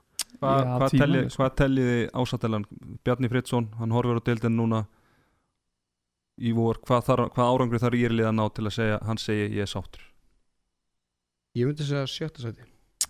Já, í deildinni. Ég, þú veist menn hljóta samt að vera að horfa líka eitthvað á ústakefnina já, ég alveg klálega en Mhm. þú veist, jú, fyrir þá sjálfa myndi ég halda að þeir séu séu að staðsetja sig þarna kannski á bylnu 5, 6, 7 eitthvað svo leis undan úr slita gott köprenn og hann er ánaður Já, eða ekki, jú, og svo náttúrulega alltaf það líka einmitt að, að hitta á byggakefnina það er, það er yfirleitt hjá svona liðunum sem að eru hérna kannski á sem miður reykja, þá er það svona svolítið það sem menn er að gæla við yfir, yfir tímabilið og svo náttúrulega getur allt gæst í úrstakefni eins og við þekkjum, en aðeins meina punktum um Steffen að ég hérna þetta er náttúrulega frábært fyrir íringina að fá hann, en ég kíkti aðeins í gömur blöð frá því fyrra og, og hérna með að við hábjör stats okkar allra besti, að þá var fyrst Gretar Ari, ég held ég með fjóruðu bestu markvæsluna í fyrra á markvæslu deildarinnar. Þannig að markvæsla sem slík var ekkit galin hjá þeim og ég menna ég held þeir að vera bara mjög sáttið með Gretar og, og haugarnir kannski hafa nóg miklu trúinu núna til að hafa tekið hann bara til sín. Þannig að veist, getur Gretar kannski bara upp á einstaklingsgæðin, gert eitthvað betur? Nei, hann, Steffen segi heldur hann Gretar eða er þetta kannski vandamál meira kannski um vörðina sem er að spila? En get ekki Stefan hérna, veist, hefur hann ekki meiri reynslu í að veist, vinna með vörninni og getur svona leiðbind varnamönnum með hotnin og annað, veist, hefur hann kannski fram með Gretar? Algjörlega, er, hann, er kannski hann er tíu ára meldri einmitt, það er kannski það sem Bjarni og Íringarnir eru svolítið að banka og, og það verður bara gaman að sjá það, mann alltaf veit ekkert fyrir þetta fyrir á stað en, en hérna en veist, sem svona eiginlega styrking að há svona, alltaf alltaf ég að setja pínu spurningaverki með þetta til að byrja með. Strákar, það er strákur eh, sem er kominn, Sveitni Jóhansson frá fjölni, hann er fættur 1999 og ég skóla hann aðeins til í grafáinu síðasta vetur og, og tóka með mér í, í, í liftingasælun og fleira. Þetta er nánast tveggja metra rumur uh, um 100 kíló og ég sé þennan dreng fyrir mér ef hann heldur áfram sem horfið uh, sem framtíða landslýsmann, gríðarlega duglegur og, og ég hef ekki séð jafn mikið æfinga metnað uh, hvernig haldið hann muni pluma sig, Arnardæði Já, hann er alltaf búin að fá gott undirbúrstjöful með hérna Írikun og fór náttúrulega á, á, á stórmót með þeim og hérna en hann er náttúrulega bara veist, komin í betra lið núna enn í fyrra og hérna þetta er ekki skot á því með föttir í veriðingu, fyrir bánsinni ég er bara með betra lið af fjölnir það verður bara að segjast en, en það er svona maður bjóst alveg að Sönni myndi fara í betra lið mm -hmm. algjörlega og maður heyrði náttúrulega í slúðrunu góða að hérna haugarnir hafi já, jafnvel og valsarnir Val, líka nei, nei. Haug, haugarnir voru eftir honum ég. Það er samkvæmt áræðilegum heimildum. En hann alltaf, þú veist, ég meina, hann var í, í skóla hjá þér í fjölniði, eins og þú Mhm. segir í, í liftingunum, hann var hjá Kingbo Eggerts eitthvað í, í fyrir að voru sumar í enga þjálfun upp í krika, Mhm. alltaf, þá fór nú slúðumaskerinn í ganga, F og allir sér að fá hann.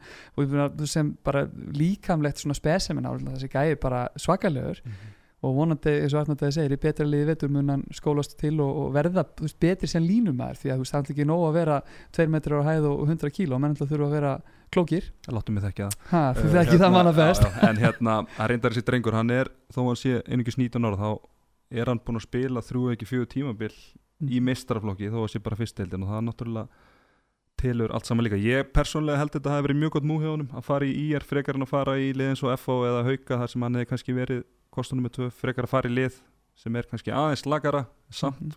gott og fá að vera að spila 50 mínútur leik. En það er bara ég. Sammála því. Herðu, förum í sjönda sætið. Þar er garbæðingarnir í stjörnunni. Þeir enduð í sama sæti fyrra. Komin nýr þjálfari Rúnar Sigtryggsson uh, þeir sem eru komnir er Sigurður Ingiberg Klingiberg Ólafsson og þeir sem eru farnir er Gunnar Valdemar Jónsson hann er farið til Akureyrar, Lárus Gunnarsson er hættur, Stefán Darri Þórsson er farin í fram, Skástrík hættur. Og svo er Garðar Benedikt hann hefur ekkert verið að æfa með samkvæmt uh, okkar heimildum. En hann þeir eru að, já, hann verður eitthvað með þeim en það er svona líkur ekki fyrir á þessari stundu í hversu, hversu stórt það hlutverk verður uh, sterkast að byrjunarlið stjórnunar okkar mati það er Bubbi í markinu, Hjáltýr í vinstrahotninu Egil í vinstri skittu Aron Dagur á miðunni Ari Magnús hæra megin og Leo Snæri hæra hotninu og Bjarki Már Gunnarsson á línunni. Arnardaði stjarnan hún allir þér miklum vonbröðum og þú hérna fórst ekkert uh, inninu launung, launung með það þegar þú varst sérfæðingur á Akaborgarinn í fyrra? Nei, ég hérna Svo ég klárum þetta sterkast að byrjuleg þá er náttúrulega að byrja pubbi í, í þryggjuleikja banni. Bubbi byrjar þryggja líka banni þannig að okkar maður Þannig að Kingiberg byrjar. Kingiberg byrjar í markinu. En meira það setna Byggjum Siggi eins og hann kallaði sjálfa sig. Já, en klárlega, ég var alltaf að býða því að stjarnan færi á flug í fyrra og, og þetta byrjunli sem við á- erum með núna uh, pluss Garðar Berendit í fyrra, Stefán Darra og hérna náttúrulega með Lárus Gunnarsson og Bubba sem er bara frambærilegir markverð og gott betur á það í ólisleitinni þá, þá bara ég hristi hausinn og það er alveg vitað að það er peningar í Garðabæ. Eða voru það allavega í fyrra. En það, ok, ég veit að Sigur Ingiberg er líklega eitt dýrasti leikmaður ólisteldarinnar Já, sögur segja að hann hefði bara lappað á milli liða og já, já, ok, þeir fá hann. Eigður einhverju góðu budget í hann? Mm en fá Rúna Sigdings heim? Og hvað svo? Mér finnst smá uppgjöf í Garabæn -hmm. út af því að, og ég heyrði það alveg á göngum mýrinnar í, í fyrra að ég meina það voru 17 hræður leik á tímabili. Þeir töpu ykkur 3-4 leikjum í, röð þarna og fólk var bara gjössalega að sturlast. Það, fólk var að gefast upp sko. Mm Nákvæmlega, Átni Stefán, uh, Rúnar Sigdursson kemur aðna, hann er náttúrulega þraut reyndur búin að vera þjálfið í Þískalandi undanverðin ár. Uh, bjóst ekki við að kæmi eitthvað svona, þú veist, hann væri með þetta afdráttar, afdráttarafla, það myndi koma 1-2, 1-2-3 svona virkilega stórir bitar í stjórnvelið Jú, alveg tímanlaust og það sé svona kannski vesinni sem þeir eru í að þeir náttúrulega eru með veist, mjög gott byrjunalið þegar maður bara, eins og alltaf að segja, maður berðu saman bara við önnulegið deildin að fyrstu sjöhjóðum eru virkilega, virkilega flottir og svo er þeir með sko starra sem varamann þeir Já. vandra hjartar sem varamann en svo er bara ekkert mikið en meira svo er nefnilega ekkert mikið meira og úst, kannski er það það, ég menna Rúnar hefur bara með þessu svo að, að þetta væri byrjunalið sem hann myndi alveg sætta sig við og úst, hvernig er þá að fá sem er þá tilbúin að koma að inn sem kannski ykkur, úst, 8. 9. 10. maður, ég veit það ekki en ég sammála Arnar þetta með það að stjarnan, þeir allu vonbröðum í fyrra og ætla að gera þessa breytingu núna láta Einar fara og Rúnar kemur inn en úst, það lítur nú að vera ákall einmitt núna að menn svolítið stíu upp og, og, hérna, og gerir betur munur ekki að taka tíma fyrir Rúnar að ná inn sínum áherslum og, og allt það en, en maður sáðu náttúrulega aðeins en á þessu æfingamóti fyrir norðan og, og uppskriftin þar svona, þú veist, virðist ekki það breyst rosa mikið, þú veist, þeir eru góðir í setnibilginu að keira mikið í baki, þú veist, Ari Magnús náttúrulega yfirbúra maður þar og verður þeim mikilvægur í ár, þú veist, Egil virkaði fínu standi en já, ég veit það ekki, ég meina, þú veist er þetta lið sem að getur verið ofar, aðna dag, blákallt mat er þið svolítið fastir kannski hérna bara í einhverju limbói já eins og segir, hefur þeir fengið að tvo leikmenn. Þótt að það væri ekki bara leikmenn nummer 8 og 9 inn á. Mm -hmm. Þú veist, næsti maður inn á bekk fyrir utan er Ari Pétursson. Leikmaður sko sem ég hef, já, er svona bara málaliði Mhm. uppalinn í Garðabæ eða uppalinn stjórninni hefur bara spilað þar er svona inn og út, hefur verið að hætta og hinga og þanga, hann er bara fyrsti maður inn á bekk þannig að hefur þeir fengið þennan 8. og 9. leikmann, þótt að væri ekki nema ég veit að þeir voru að fá Andar Rúnarsson frá Val til dæmis, eða einhvern miðjumann eins og haugandi fengur læðuna frá Val og svona bara einhvern, Mhm. bara til að stuða aðeins hópin og gefa svo aðeins meiri vít þá væru þeir klárlega lið sem ætti að vera berjast um fjórða sætið Mhm. en miðað á hvernig voru í fyrra og miðað á styrkinguna eða bara ekki styrkinguna í vetur eða í sumarsíði þá þá er sjönda sætið bara ég sé það ekki að vera lengra. Mhm. En í ljósið þess er ekki svolítið skrítið að hafi látið Gunnar Valdemar Jónsson fara til Akureyrar? Láni, hefði hann ekki getað verið? Ég er ekki að segja að hann hefði kannski þú veist að verið, að, verið þessi leikmann sem þú ert að tala um en fyrsta breytinu svona lítil fyrir utan að, að láta hann fara. Jú, það, það lítur að vera einhver einhver, einhver saga bak við þetta. Mhm. hvort hann, ég veit ekki hvort það sé í námi eða eitthvað, þú veist, ég veit ekki hvernig þetta í huga að lána hann út af því að hann alltaf fekk mikilvæga mínútu fyrir, hjá gróttu í fyrra og stóð sér bara ágætlega Mhm. þannig að hann er klárlega leikmaður sem það geta verið 8. og 9. leikmaður hjá, hjá stjórnunni Já, og búin að missa náttúrulega steppa líka sem að, þú veist, einmitt var að koma svolítið inn að bekknu það að maður gæti leista af, þú veist, og þetta kannski eins og segir, með fullir vinningu steppi kannski átt ekki sín bestu ár á ferlinu hjá stjórnuna, þú veist, hann kannski að setja hann inn á mig, en þú veist, hann kann leikin og getur stilt upp og meðan veist kannski aðeins að pása, þú veist, Veist, hvað er það að fara að skila en langt í vetur? Ég veit það ekki. Stefán Dari gerist í vegan þannig að það er kannski hugsanlega, við höfum séð það áður að menn droppa í en það spilamennskuði það gerist í vegan Sarri Eyjólfsson er svona inn og út hann geti spilað eitthvað með hann ætla Bjarki Már. Gunnarsson hefur verið að spila bara vörn og sókn Já. hjá stjórnunni í, það verður áhugavert að sjá það Já. hvernig hann mun pluma það og að hérna, skrokkurinn á honum haldi hann er náttúrulega alltaf í fínu standi en hann hefur verið að hérna, glíma við meðsli En það styrkir á ef hann kemur inn, alveg heiklust. alveg, Alveg alveg, alveg klálega. Alveg klálega, strákar Aron Dava Pálsson hann kemur hann í fyrra og mikla væntingar, hann kannski stóð ekki alveg undir þeim. Uh, hann þarf að eiga virkilega gott tímabil til að stjarnan Mhm. sé að fara að gera eitthvað hluti. Sko ég get já, hann stóð ekki fyrir, eða undir þessum væntingum. Liði gerða bara helt yfir ekki sko. Þannig að það var erfitt fyrir hann að gera eitthvað meira uh, mér, ég held að hann myndi fara í sumar. Uh, eftir, eða eftir þjálfarskiptin þá þá vildi hann fara. Eða skil ekkit bara í lók tímabils var umræðum svo, svo að hann er ekki með stjórnum næstu tímabil, ég veit ekki hvort að Rúnar hafi náða að tala hann til eða hvort hann hafi skipt um skoðin eftir þjálfarskiptin en Aron Dagur er klárlega klárlega leikmaður sem þarf að eiga gott tímabil ætli stjarnan sér að gera eitthvað í vetur og það er svo, er, það er svo skrítið maður horfir á þetta út með Bubba sem er bara okay, x svona landslis markverður út með Bjarkmar Gunnarsson Leo Snær sem er breytað betra hægri hotnamenn við deildinu og með frábæra nýtingu hann var be betra nýtingu en margir hotnamenn í, í fyrra. Með Egil Magnússon sem hefur verið að spila í jættunmennsku og hefur verið einn efnilegast að skipta landsins Aron Dagur, Ari Magnús náttúrulega bara frábæra einn besta hægri skipta í deildinni. Mhm. við nefnum þetta með Hjálmtýr og Andra Hjartar Andra Hjartar er fyrir úlíkanlæslismadur starri varahotnamaður hann er fyrir úlíkanlæslismadur þegar maður segir þetta þá er ótrúlega að séum að spáða svo liðið sjönda set Mhm.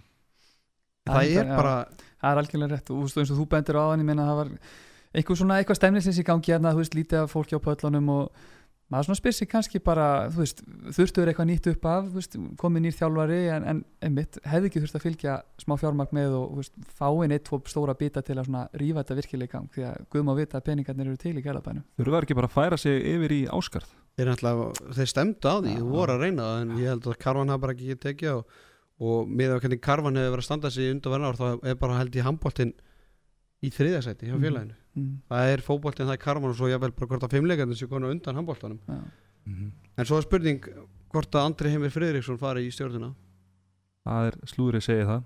Já, það er einhver félag sem er í svona í deglunni og Já. það er á meðalega stjarnan og Hann fengi fullt af mínútu þar allan Það að það sé alveg ég myndi, ég myndi halda það. Já, var náttúrulega frábær í, eins og við vorum að ræða maður þessi 89. maður var frábær í því hlutverki í HPVF þannig að já, aldrei að vita Algjörlega, uh, stráka við glemdum að velja kúlbætlegman í er áðan en það er uh, Sturla Áskeisson Sil, Silfur Eifur Silfureyðurinn að verða færtur og, og, og svo leiðis hérna að drepast í öllum uh, beinum og vöðum líkamanns en hann, ég vorkinn um allt að hann hleypa tilbaka.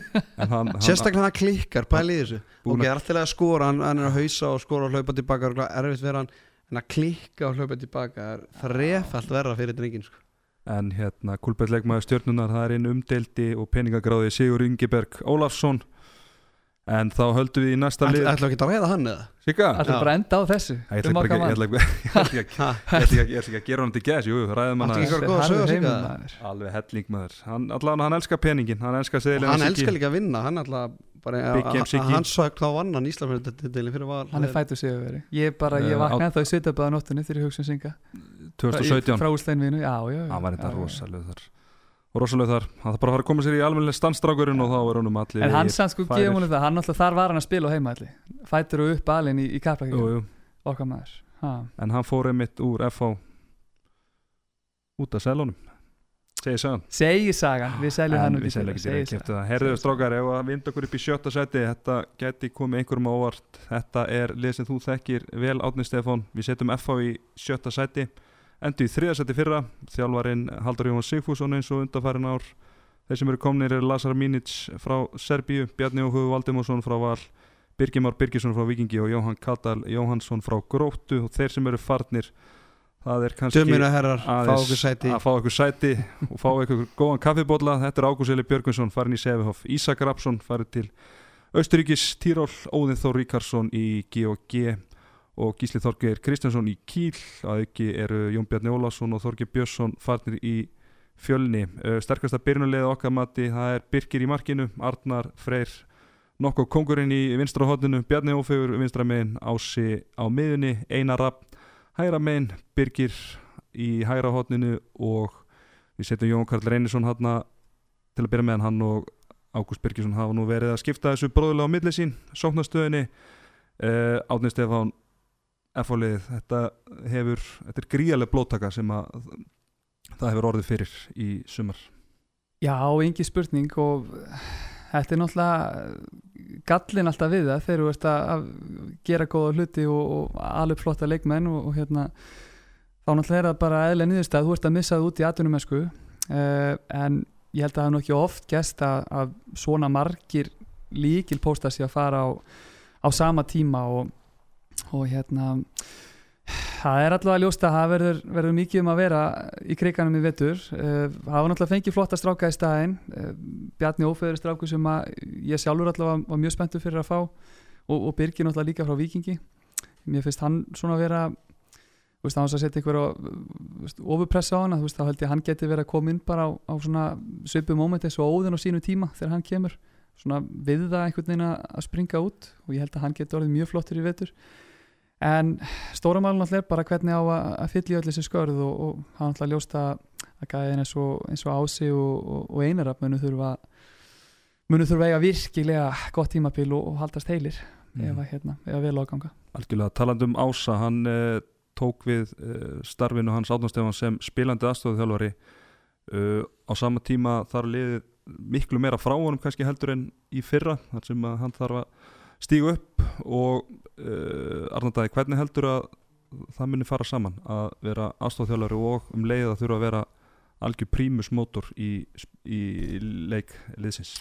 Já, ég verði náttúrulega bara viðkynna það því frétti þetta bara sint í sumar eða bara í miðan ágústmánar það komir verulega óvart en ég hugsaði bara að peningabötan greinlega er að tæmast í kriganum út af því að við vitum það að Átni Stefán er ekki ódýrast aðstofþjálfarinn í, í deildinni þannig að ég gef F-fangunum það skilur að þeir þurft að losa um bötuna og, og eru líka að fá Lazar Minik frá Serbíu mm og -hmm. serbarnir þeir, þeir vilja sæðla þannig að Ási að spilandi aðstofþjálfari hann er alltaf hvað hefur ekki verið styrtaþjálfari liðsins líka Jú, einmitt. og það já, þannig að alltaf, mikið á hann lagt og hann ætla að vera hérna, berast um meðsli hvernig staðan á því vitið það? Er hann 100% hann er heilt núna en, Já, en, já, já. en hefur Já, náttúrulega henni tíðina.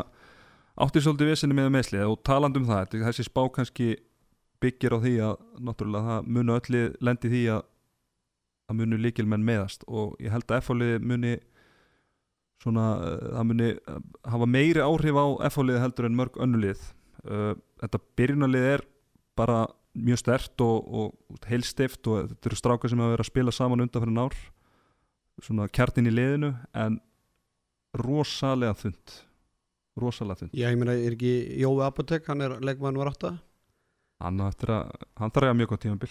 Og- en, en, en, Einar Sindrason er hann líklegur til að fá eitthvað fleiri mínútur leikmaður í við átjóran landsliðinu er ekki frætt að Sara Pálmars? fættu 2000 náfrændi Arús Pálmars Já, hann mun, hann mun klálega gera það og hann mun hérna þú veist, ég segi nú ekki að hann mun þú veist, fylla í skarðið fyrir gísla en hann er svona kannski hugsaðar hann inn sem sem miðmaður nummið tvö uh, ásinn alltaf starta svo erum við með með Jóhann Birgi Ingvason og, og hérna, hann Bjarnar Ófeg í vinstri skiptunni og þú veist, við setjum hérna Bjarnar í byrjunarlið og hann svona hefur, alltaf verið að byrja varnarlega í þessu leikjum og fær þá að hlaupa upp svona fyrstu kannski 10-15 þetta er svona svipa plan og, sínum tíma þegar Ísak Raps og, og Magnús Óli voru hér fá þá var Mhm. Magnús Óli að byrja á bekknum kannski fyrstu tímar. 10-15 það voru góði tímar maður. og koma svo inn með dundurinn á bekknum.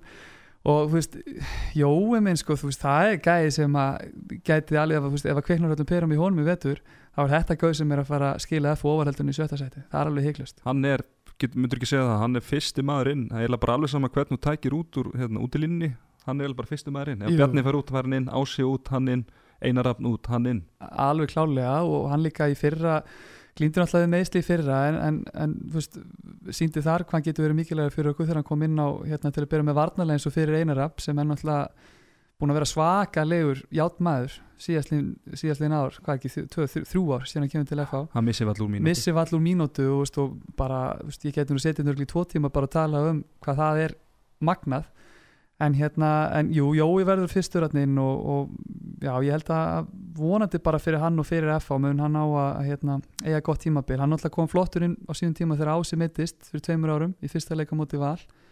Uh, hvað, úlegsbrotnaði, handabrotnaði eitthvað mann ekki alveg. Mm -hmm. og hérna spilaði virkilega vel fram á áramótum en, en hann hefur einhvern veginn ekki enn sem komið en náða að eiga heilt gott tímabil og það er eins og segi, vonandi bara að það verði núna, en svo er spurning með kannski stærri spurning með hvernig markværslan verður Mhm. uh, Ágúst náttúrulega fyrst fyrir úti fyrir á stórmót sem landsleismarkmaður uh, veist, framan á virkilega góður dalar aðeins eftir hann kemur heim úr landsliðinu uh, þessi Lazar, ertu búin að sjá hann eitthvað? Þetta? ég sá hann bara í hafnaður mótur á móti val ég sá tvoleiki með hann þar og hann heitlaði mig ekkert sérstaklega þar uh, Birgir Nei, ég held sko fyrst að þetta var að vera gæsan sko. Gæsar Já, steggjan steggjan Já, sig. já, steggjan, Já, já. Ég held að vera steggjan sko í leiritingafelli Já. það er önnur saga, en Fyrir mig það setna í vetur Já, einmitt. En hann sem alltaf með það sem hann hefur heyrt að þá, þú veist, hefur hann kannski ekkert eitthvað lítið fá, frábælega vel út á æfingum. Hann hefur tekið einn og einn leika sem hann svona, þú veist, síni virkilega úr hverju hann er gerður en, en þú veist, fyrir mér bara virkar hann ekkit í neinu standi almennilega, þú veist, hann á eftir að setja svolítið að kíla á mutan á sig og auðvitað náttúrulega bara komast inn í, inn í liðið og, og hérna, deildina heima og kúlturinn og allt þetta en, en þú veist, það er svona, þetta eru kannski mína stærstu áhugjur á FH-liðinu staðin núna, þú veist, Birkir verður í raun og bara að haldast heill Mhm, vegna algjörlega. en en stærsta, ágjörðum hjá mér mm er náttúrulega Bjarni Óföðum á hann ekki vera að skalla menn hérna í öðru hverju leik sko. Nei, hann hérna, fólsku Lára á sá Agnar Smára í Hafnafjörðamótun það sem að skalla hann og við því Agnar Smári er vist á Batavegi núna tvei vingur síðar eftir það svakalega höfuhögg Já. og hérna, já, algjörlega Óskum, ef ekki senda honum bara er bata kveður þá bara Já. sendur handkastiðir hlýjar bata kveður uh, en hann lasar, hann reyndar hann er með eitt besta markmannstálvara landsins yfir sér hann Róland Eratse sem hefur nú marga fjörun á sopið, hann hefur gaman að sjá hvort hann geti, hvort að hérna kúrun verði upp á við hjá honum í vetur. Já, Uh, og kannski má ekki gleyma því að í tengslu vallar þessar breytingar, þá náttúrulega er eins og tölum á, hann ásjóðarinn aðstofþjálfari spilandi og, og Róland náttúrulega komin á bekkin í staði fyrir mig og hérna það held ég að muni hjálpa bæði Birki og Úrla sérstaklega lasar gríðarlega í vetur. Kallt mat er það uppgreitt? Róland er alls eða ég No comment, no Nákvæmlega comment. Heru, Þeir eru búin að missa náttúrulega líka eins og við rættum Gísla Þorgir sem var svona ykkar talismann getur við sagt í sóntalegum í fyrra. Mm. Ótrúlega efni bara fyrir bara, bara Íslands hönd líka. og, og, og svona helstu hraðablisvelina í Óðni og svo náttúrulega Ísak Rapsson sem að bara steg virkilega upp í fyrra eftir að hafa verið svolítið út í kvöldunum tímul undan og var virkilega og var, það er stórt skar sem er fara á vartalegnum þar auk þess sem svona, hvað getur við sagt, svona karakter úr klefunum Það mikill, því. mikill, mikill F á einhver. Fyrst ég með því átni það var náttúrulega mikið gaggrind hvað Ísak vekk fáar mínútur í sóknarlega í fyrra. Já, Get, algjörlega. getur sagt okkar aðeins um það núna eða tala aðeins um það? Já, var ég, það? ég held að getum það alveg. Uh, hann náttúrulega byrja á móti sóknulega þegar Gísli er, meittur og, hérna, og stendur sér vel. Svo náttúrulega þegar Gísli kemur inn aftur að þá einhvern veginn bara þróast það þannig að Ísak fyrir að spila minna uh, kannski bara er þetta spurningum um tröst, ég veit það ekki. Dóri náttúrulega, Haldur Jóhann eh, þannig þjálfari að hann bara talar um það sjálfur, hann náttúrulega frekar íhaldsamur þegar kemur að, að skiptingum í leikjum. Vist, hann vil svolítið bara keira á liðinu sem er að virka hverju sinni. Og veist, fyrir honum náttúrulega var sterkasta byrjunlega held ég sóknarlega með, með Gísla og Ása fyrir utan. Uh, veist, hefði ég sér gátt að fá meiri sensa? Alveg öruglega svona eftir á séð ég held það. Og kannski náttúrulega hendar hann ekki á móti öllu liðum veist, eins og móti Selfoss í í úslakefni til dæmis var það mikið gagnið hann ekki spila meira framlegjandi vörð já, en, þú veist, en, einmitt, þú veist, Ísa kannski hend- hendur honum ekki best að spila á móti framlíkjandi vörð svo að alltaf deilum á á, þú veist, hefur þjálfarnir þátt að gera meira kannski til að koma honum inn í leikin Já. setja auka mann inn á línu eitthvað svoleis en, Já. En þú veist, jú, það verður líka bara fyrir mig gaman að sjá hvernig Ísak plumma sig þarna úti. Þetta er náttúrulega bara tækifæri fyrir hann til að sína og sanna úr hverju hann er gerður, sérstaklega kannski sóknarlega. Það er gaman, gaman, að- gaman að segja frá því að hann hérna, hefur verið að uh, einhverju tímapunktu í leikjunum spila bara sókn, fá, fá að kvíla vörnina og spila sóknina. Það er svona nýtt, nýtt fyrir hann. En, en fyrst þau líka með Já. við horfum á þess að leikmenn sem er farnir Ágúst Eli, Ísak, Óðinn, Gísli þú sem fyrir um aðstofaþjálfari hver er svona mesti misserinn fyrir bæði innanvallar og utanvallar svona saman? Ágúst Eli, náttúrulega markvörður landslismarkvörður á tímabili. Ísak, náttúrulega bara herra FH Óðinn Þór Ríkarsson frábær hraðblöfsmark uh, leikmaður og bara marka maskína, svo náttúrulega Gísli Þorgir mm -hmm. hvernig myndur þú með þetta, er kannski fyrir að það henda er í já, svo gera upp á milli bandana sinna Hver, er- hver er mestu misseri fyrir FH? Svona, þú veist, á heildina litið eins og segja, maður mað tekur þetta þú veist, Gísli er náttúrulega bara one of a kind sóknarleikmaður, en var náttúrulega alls ekki mikilvæg fyrir okkur varnarlega þannig þó náttúrulega í setjumbilgjunni sem, mjög góður. Uh, óðuna samanskapi frábær sóknarlega frábæri hraðaplöpum en, en veist, ekki heimsins besti varnarmaður. Ísak náttúrulega batt vörðuna svolítið saman hjá okkur í fyrra. Þannig að þú veist, ef maður ætti að velja eitthvað þessum eins og staðan er akkurat núna í dag hugsa ég að ég myndi velja Ágúst Eli og markvæsluna því að bara í ólisteldinni er algjört líki latri ef þú ætlaðir eitthvað. En svona með að við kannski skrefið sem að veist, hann hefði tekið í vetur þá, þá held ég myndi nú tala um kannski gísla hérna líka. Ég hugsa að ef hann hefði ekki farið út núna hefði hann vantalega fengið að, að spila meiri vörn jafnvel í bakverði í 6 vörninni hjá okkur. Hávaksinn, mjög fljótur á fótunum og vörðin er svo dór við spiluna með svona aggressífa bakverði hefði henda honum mjög vel þannig að já, ég myndi segja Ágúst og Jafnvel Gísli. Ég er sammálað þessu að hérna í rauninni Bjarni Ófur hann kannski svona þó kannski hann sé ekki sami karakter eða ég, ég þekki hann ekki mikið þegar svona fyrir FH bara örgulega ekki sami karakter og Ísak var fyrir lið þá náttúrulega er hann hörkugóð skitta og, og mjög efnilegur varnamæður uh, Birgir er svona, getur ekki sagt að segja samastað og óðum að fyrir svona tveim árum? Svona, Jú, svona við fyrstu sín við fyrstu sín, nákvæmlega. Hann var með til dæmis í Európu leiknum um helgin að vara með 7-7 held ég, alveg Mhm. örglega og einmitt nákvæmlega, svona like for og gísli náttúrulega, já, gísli og, og Ágúst Eli, það er klálega svona stærstu stærsti misserinn fyrir fyrir þetta F-fólið eins og staðan er núna já, þú veist, og ég minn á þess að taka neitt að gísla þá náttúrulega byrjuðum við mótið fyrra án hans þegar hann var mittur og þú veist, liðinu gekk vel þannig að þú veist, kannski eins og ég var á sig stígu svolítið upp að þá náður að fylla hans skarða einhverju leiti Uh, og svo náttúrulega þú veist, með gæðis og Ísak það er bara, ég held að séu vandfundnir svona gæjar þú veist, þó hann eigi kannski ekki alltaf kannski bestu æfingavíkurnar ef eitthvað er að, þú veist, einhver smá meðslu okkur hverju sinni þá, Gaup, Gaupi kallaði hann slitti fyrir tveim árum. Já, ég held ég takki nú ekki undir það, en, en þú veist, guðmi góðu hvað kveiknar á honum þegar ljósin kveikna og, og, og það er flauta á í leikjum sko. herra F á eða ekki, er ekki talað um það? engur líkur. Uh, Bara mesti F-fáingur sem ég hef kynst um aðeina uh, Kúlbettleikmaðurinn hafa við erum búin að ræða nú það er hann Jóhann Birgir. Mun hann fá stærra hlutverk eftir Brokkar Gísla og Ísaks og er ekki komið tími til að fá helst eitt tímabil. Hann svona strákar við kannski rættu ekki alveg á hann. Uh, það er ekki Dóri svolítið líka bara svolítið að gefa hann tröstið bara svona leifa honum að gera mistöki sín og bara, herru Jói, nú bara nú ert þú bara aðalmaðurinn hérna Jú, jú, ég held það. Og ég meina, veist, ég held að liðið bara bjóði heldur ekkert upp á neitt annað. Eins og vorum að ræða hann, hann verður vantilega fyrsti maður inn í, í sama hvað staðið er fyrir utan. Og það er þá líka bara hans að nýta sjansinn og, og sína hverju Dóri og, og, og við erum búin að vera að missa af undanfærinar Nákvæmlega. Herðu, það voru komnir í fymta sætið, það er lið afturöldingar í fyrra endu þeir í sjötta sætið, þjálfarin er eins og undanferðin ár Einar Andri Einarsson, þeir sem eru komnir eru Arnóð Frey Stefánsson, markmaður frá Randes í Danmarku, Júlið Þjór Stefánsson frá Gróttu, Tumi Steitar Rúnarsson, ungur og efnilegu leikmaður frá Val, Emil Kur Ziminiesk frá eh, Tenax í Lettlandi og Finnur Ingi Stefánsson frá Gróttu, þeir sem eru farnir Kolbjörn Aron Arnarsson í BVF Mikk Pinnonen, hann var að fara til eh, Ítalíu Lárus Helgi Ólafsson er farin í fram Kristófur Andri Daðarsson í Viking gestur Ólafur Ingvarsson er með sliti krossband og verður vantilega lítið sem ekkert með í vetur og Rafn Ingvarsson er hættur. Uh, sterkasta byrjunarliðið hjá afturheldingu að okkar mati Arnó Freyr í markinu Július Þórir í vinstrahotinu Emil Kursmjensk í vinstri skittunni Elvar Áskisson á miðinni Birgir Benediktsson hæra megin og Átni Bræi í hotninu og Einar Ingi á línunni.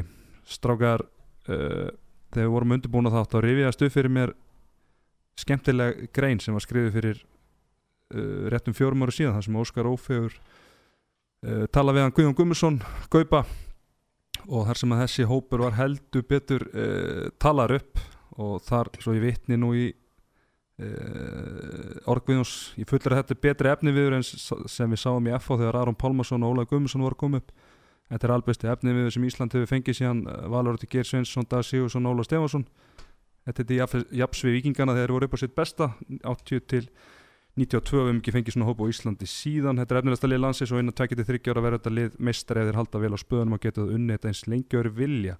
Svo telur hann fjallar um uh, leikminna þarna og það er unni bara verið. Það er verið að tala um Elvar sem framtíða leikstjórnanda landslisins Pétur sem framtíða línumann og svo get Böðvar Pál og, og Átna Braga og svona geti lengi talið. Uh, Gaupi hefur nú oftast rétt fyrir sér en uh, þessi svona, þegar maður horfður tilbaka, þetta er ekki alveg ræst. Afturhaldi kannski þá, kannski getur sagt svolítið vonbreið undanverðinar.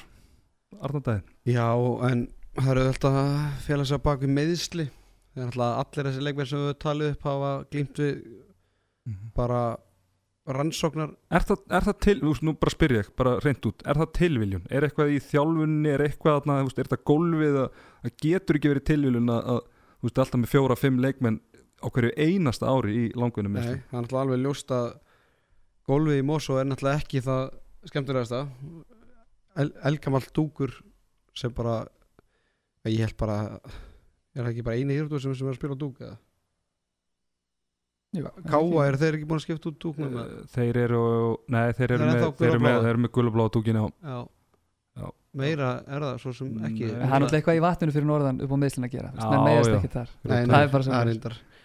algjörlega En þetta, En já, nei, þetta, er, þetta- er algjörlega rétt, ég er, ég er sammála þessu það er í rauninu bara stórfurlegt og ég er náttúrulega bara þekki það veginn raun þú veist, hjá okkur í FH uh, hvað þetta getur skipt miklu máli og þú veist, eins og segið þegar Dóri kom inn það var mikið hort á þetta líkanlega þáttinn og ekki síður svona batterið í kringum þetta, veist, aðgengi að, að læknum og öðru slíku þegar, svopurum við. Og, og hérna og þú manst nú eftir, eftir tegjur hringnum góða þetta,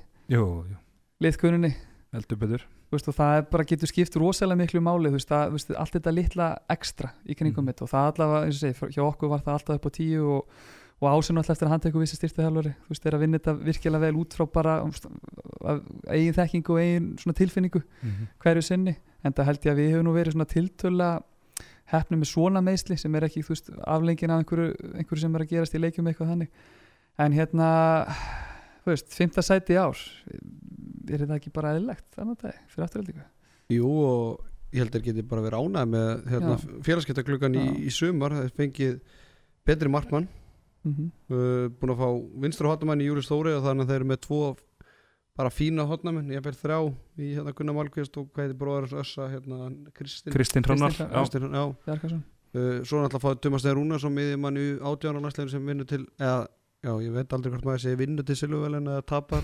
Já, ég menn þú vinnur til veluna Já, eða bara- hann vann unnu til Silvuvelina Svo náttúrulega fá þeir hérna hann Emils Gursmenísk frá, Mhm. frá Lettlandi. Og svo náttúrulega hríkra stert sæn.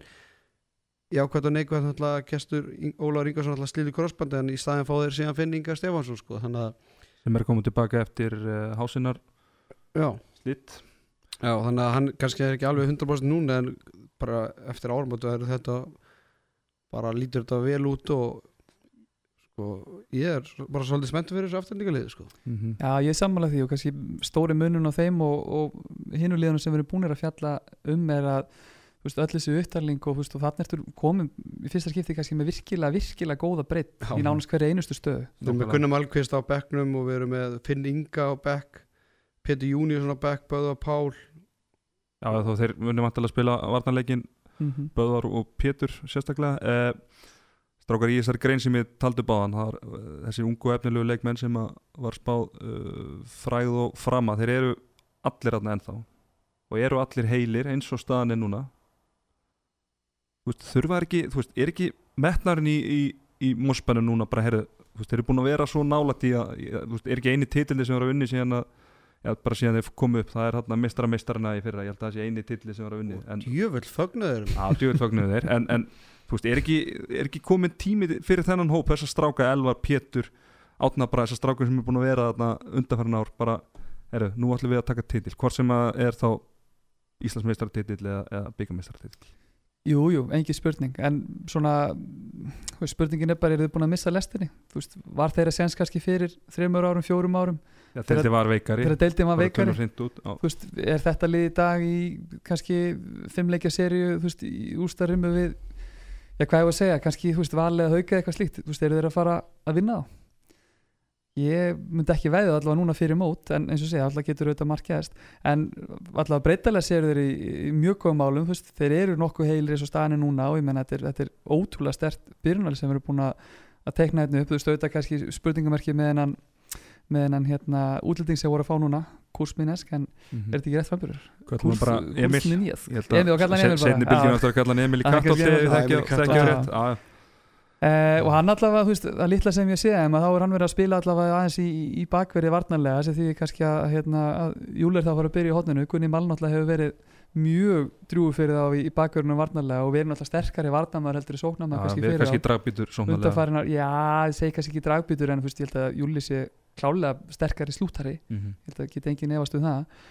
Þannig að sóknarlega allavega verið fann að líta ótrúlega vel út og veist, ég veit að þeir voru mjög ósáttir í fyrra með, með hérna, gengi á markoslunni þannig að ef, að, ef að Arnó Freyr er í, í svipuðu standu og markaskjáðurinn að fór út á sínum tíma þá lítur þetta ansið vel út hjá, það er bara þannig. Mhm, algjörlega, þeir náttúrulega eh, missa Elvar Áskilssonum jólinni er náttúrulega típist fyrir lið sem er búin að vera mikið í meðslum að hann, uh, hvað fóbrotna við, að- við að týna jólatri eins ótrúlega það hljómar uh, en hann er komin á skrið aftur og þar er á ferðinni einn allra besti leikmaður deildarinn og hann þarf að eiga þeir þurfa gott tímabil frá honum með þeir ætla að gera ykkur hluti í Arnandæði Já, hann alltaf var geggjaður fyrir árumót og ef hann skoraði ekki þá laði hann upp mörkin fyrir það og hérna alltaf gríðalegt sjokk fyrir hann að vera að týna þessi jólatrið með Mhm. föðu sínum eftir góða ferð á Tenerífum jóla árum með unnustu sinni og, og góðum öðrum félögum og hendur hann sér bara í yðnaðin og fyrir að týna jólatrið og fyrir, fyrir félagið klika á mannbrotunum.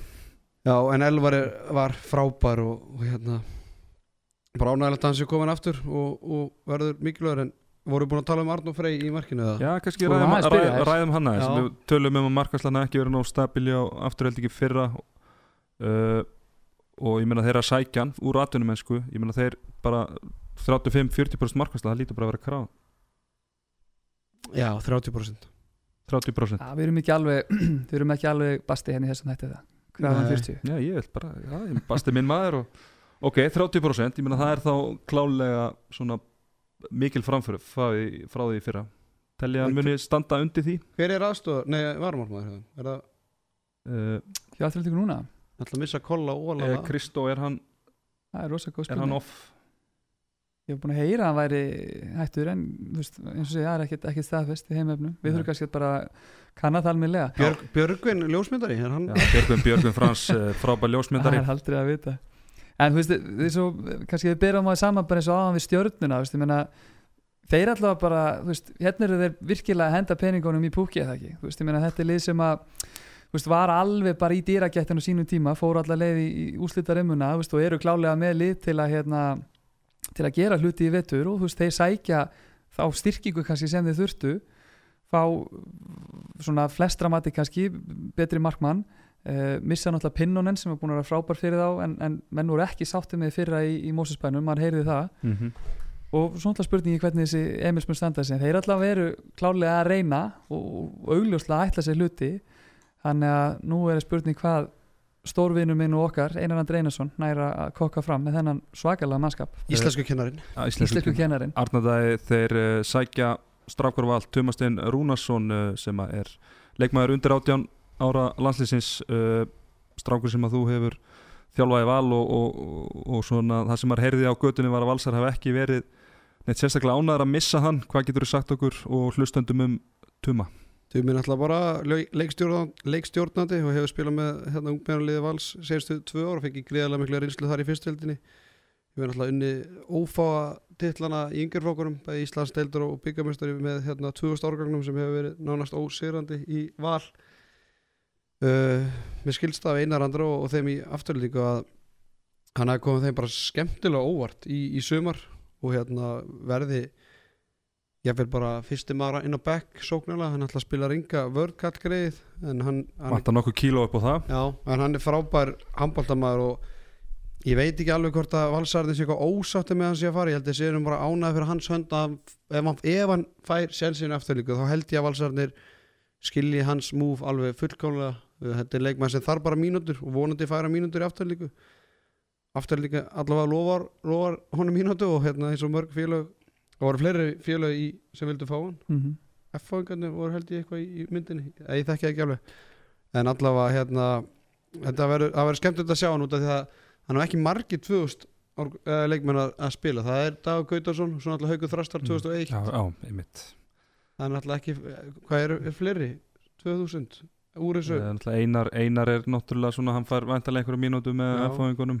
Svona alltaf Steven Tobar Steven- Valencia, þannig að þetta er svona 2000 árgangunni sem er alltaf náði frábærum árangur í Mhm. sumar og það er bara gaman að, já, náttúrulega Viktor Gísli þetta eru svona fjóri-fimm Já. leikmenn og Já. Tumi er svona næstur inn af þeim og það verður gaman að sjá Já, já, en hann líka kannski, veist, eins og þetta er að segja, veist, valsarar og ósáttir, þú veist, bara með fullri virðingu, veist, þeir náttúrulega eru bara klálega í bara win now gýr á hlýðarendanum og með að við mannskapið sem er hafa í kannski svona hans stöðu bara hefði hann verið að fá Arnandi einhverja mínútur að ráði? Nei, Ég veit ekki hvort hann myndi komast í hópin Nei, ég segi það. Erum með einn Robert Aron Hostert og Anton Rúnarsson Já. á, á undan að Magnús, Óla Og Alexander veist, þetta hefðu kannski viljað fá að lána hann eða eitthvað slíkt, ég veit Já. það ekki en ég meina, þetta er samt ekki bara fínt fyrir, fyrir deildina, við horfum á þetta svolítið hlutlist þannig er einn af okkar efnilegustu leikmunum kannski að fá bara fullt af mínútum og, og tækifæri til að springa eins út þó að séu á öðrum stað en, en á hlýðanendanum Þeir svo kvöldum í hagfræðinni að dreifa geðunum og við erum ánæði með það. Uh, Stráka Kúlbett leikmaður afturheldingar uh, það er leikmaður sem er búin að vera í miklum meðslum undarfæran ár. Uh, Pétur Júniusson, landróðurinn litli landróðurinn eins og Gaupi kallaðan uh, Ég er spenntur að sjá hvernig Pétur kemur inn í deildinu ég veit svo sem ekkert hvernig standi á honum er og, og, og, og allt það. Vonandi er að meðslafrýr uh, Já, geggja hann já, Ó. bara kvotum með hana. Já, sko, ok, ég sagði þetta geggja en hérna, hann ætla að pýra mósibænum jú, jú. og þegar hann var að vinna sér, vinna, vinna sér í form á sínum tíma fyrir einhvern veginn 3-4 árum bara örgulega svipum tíma og kaupi og var að peppa hann í drast bara þá stundaði hann það að hlaupa heim úr bænum. Já, býtu, hann var eitthvað í bænu þá alveg. Já, hann var í bænum en vann það upp með því að hlaupa heim í Mósesbæn sko. Þetta og síðan var, voru félagarnir kannski að að bara keira heim úr bænum og, og stoppuðu bara, bara hvað er í gangi þá var, ég held að hann einu sem stoppaði með bindi utan um hausinn sko. og, en hann þvernita að fá far þannig að hann bara að klára þetta og hann, var eitthvað lítið inn á eða nei, hvað? nei, hann vil bara koma sér í vill- fórum já. og hann var bara að vinna djamið tilbaka sko. Já, vel gert, vel gert. að hann, Þetta mættu ungi leikmenn í deildin í dag taka sér til fyrirmyndar sérstaklega, já, taka skokki heim úr Já. á táninu já. Algjörlega, sérstaklega leikmenn haup- hauka sem búa á vellunum Já. en það er annar mál. Uh, strákar, ef ekki vinda okkur bara yfir í fjórðarsendið uh, Jú, það eru sviftingar það eru er- sviftingar, þetta er lið sem að við höfum lengi vel ofar en uh, nýjustu fregnir til þess að við höfum ákveð að setja lið Íslandsmeistara, byggameistara og deildameistara IBF í fjóruða sæti í þessari spá. Eins og ég segi þá náttúrulega lendur í fyrst sæti fyrra og unnu allt sem að í bóði var. Uh, þjálfarin Ellingur Richardson tekur við af Arnari Pétursinni þeir sem eru komnir Kristján Ödd Kristjánsson Donni frá Fjölni, Fanna Frikisson frá Ham Vestfalen í Þýskalandi Hákondaði Styrmjonsson frá Haukum og kominn farinn Dino Spirinek frá Krótíu svo er Kolbeinn Aron Arnarsson kominn frá afturreldingu og þeir sem eru farnir það er engin smá listi Agnars Mári Jónsson Íval og Robert Aron Hostert sem er leiðis bakkabræðarnir farnir frá Vestmannefum í á hlýðarendan Aron Neðansson farin til Hamburgar í Þýskalandi Andri Heimir Freiriksson er farin það óvist hvert hann fer á þessari stundu. Ágúst Emil Gretarsson farin í Gróttu og Steffen Nílsen farin í IR uh, sterkasta byrjunleið okkar mati er þá Kolli markinu Hákon Daði vinstramegin Sigurbergur Sveinsson uh, í vinstri skittunni Fannar á miðunni Donni hægra megin Teddy í hægra hodninu og KKK Kári Kristján Kristjánsson á línunni. Uh, Arnadaði Íbivaf Íslandsmeistarar, byggameistarar, deildameistarar mikla breytingar. Hvernig, hvernig serðu hvernig serðu Erling hvað áherslur heldur Erlingu muni koma með á þetta lið?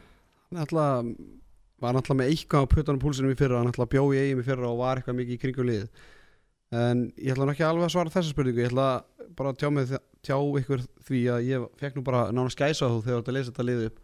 Og ég myndi að segja að þetta lið er spáð fjórðasæti það sýnir styrkleika deildarinnar tímanlust svo er annað þegar þú ert að lesa komnið farnilistan liðið sem vinnur deild byggar og Íslandsmeinstartitil það hlýtur að vera merkjum það að þetta lið búi á eigu á Ballarhafi að svona mikla breytingar verði á liðinu mm -hmm. segjum bara að þetta hafi verið haukar, FH, fram, valur og þetta er- ekki menn sem eru þú veist, að fara kannski að taka það ekki stærra skref, þetta er rauninni hlýðaskref þetta er ekki skref Þannig að fram þú á veist, myndum að sjá Agnars Már og Robert Aron sem leikmenn fram Íslands deildur og byggamestara fara í, í val eða eitthvað, skilur við en það var ekki nema að það væri bara peningarnir. tvöfaldað eða þreifaldað sko. Já. En, en ég er alltaf að segja, skilur, þetta er, þetta er ótrúlegt að, að lið sem vinnur allt sem hægt er að vinna og þessa breytingar þjálfaraskipti, nýr aðstofið þjálfari slagsmál hundurinn farin í kvennaboltan segist ekki alltaf að lemja neitt þar það veit aldrei, kemur í ljós. En, en, besta, besta vittal sem ég sé. En allavega af hverju eru að setja í fjórasetti eru búin að segja það? Uh, er það ekki markværslan Jú, hún er eins og staðan er í dag bara Engin. lang, já hún er bara engin, Engin. Hún, er, hún er ekki eins og stærsta spurningamarki, hún er bara engin. Þú tala nú ekki um ef að ef að koll er eitthvað tæpur eins og, eins og sagan segir hún er enda lengi að berast alltaf úr eigin alltaf þegar slúður kemur út på meðlandi þá er, veist, það er kannski mánuð síðan það gerist þannig að hann allavega byrjar eitthvað að æfa eða ekki, þetta já, hann allan að setja mynda sér á. Instagram það sem hann var glæsilegur út að hlaupa þannig að ég veit ekki veit svo sem ekki hvort að hérna hvers kannski, kannski var hann að taka útilega spjötu í júni það geti verið, það kem ekki orð af, af lundanum og, og heimti sín Já. 200 metrar eða svo en Nei. það er önnur, Já. önnur Ja, veist, saga. við náttúrulega við tölum um það með F-liði skilur það er, það er sjaldan sem að þú veist, svona margir stóri feiti bitar fara á sama tíma þú veist, og þú veist, ef ég tek nú F-glerum kannski aðeins niður þú veist, ef við berum þetta kannski blákalt saman við bitana sem IBVF er að missa þú veist, þetta, er ekki, þetta er ekki smá nöfn og veist, ég tók hérna saman Akki var með 102 mörg í deildinni fyrir Robert Aro var með 85 mörg Aron Rapp náttúrulega bara segi ég, veist, ok, kannski ekki alveg vinnu fyrir þá Íslandsmeistaratitilinn en guð mig góðu, ja, hvað kviknaði á nánast honum. bara, já, ég Þú bara eftir, eftir í rauninni vonbriði með hérna EM að þá gjössalega á kveiknaði honum svo um Algjörlega, þannig að veist, það eru stór skörðarnar sem það er að fylli ég náttúrulega búin að fá í veist, Donna úr, úr fjölni uh, þú veist, Fanna náttúrulega, við höfum svo sem kannski ekki séð mikið á honum undarfærin ár en, en hérna, með það sem maður heyrir að þá er hann í, í fantagóðu standi Mhm. uh, en þú veist á þess að kannski að missa mér í ykkur og reyna að búa til einhverjar, einhverjar frétti sko, en, en Andri Heimir, hann, það er rosa vannmetið hjá mér veist, að þessi að missa hann. Vegna þess að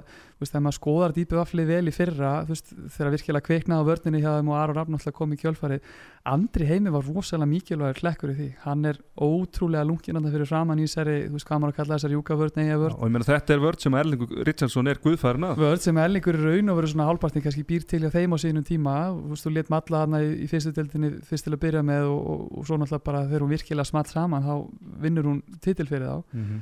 þannig að það verður frólitt líka að sjá hvað að gera með það þú veist, þeir náttúrulega fyktu þessi fyrir að við að fara nýri 6-0 Mhm.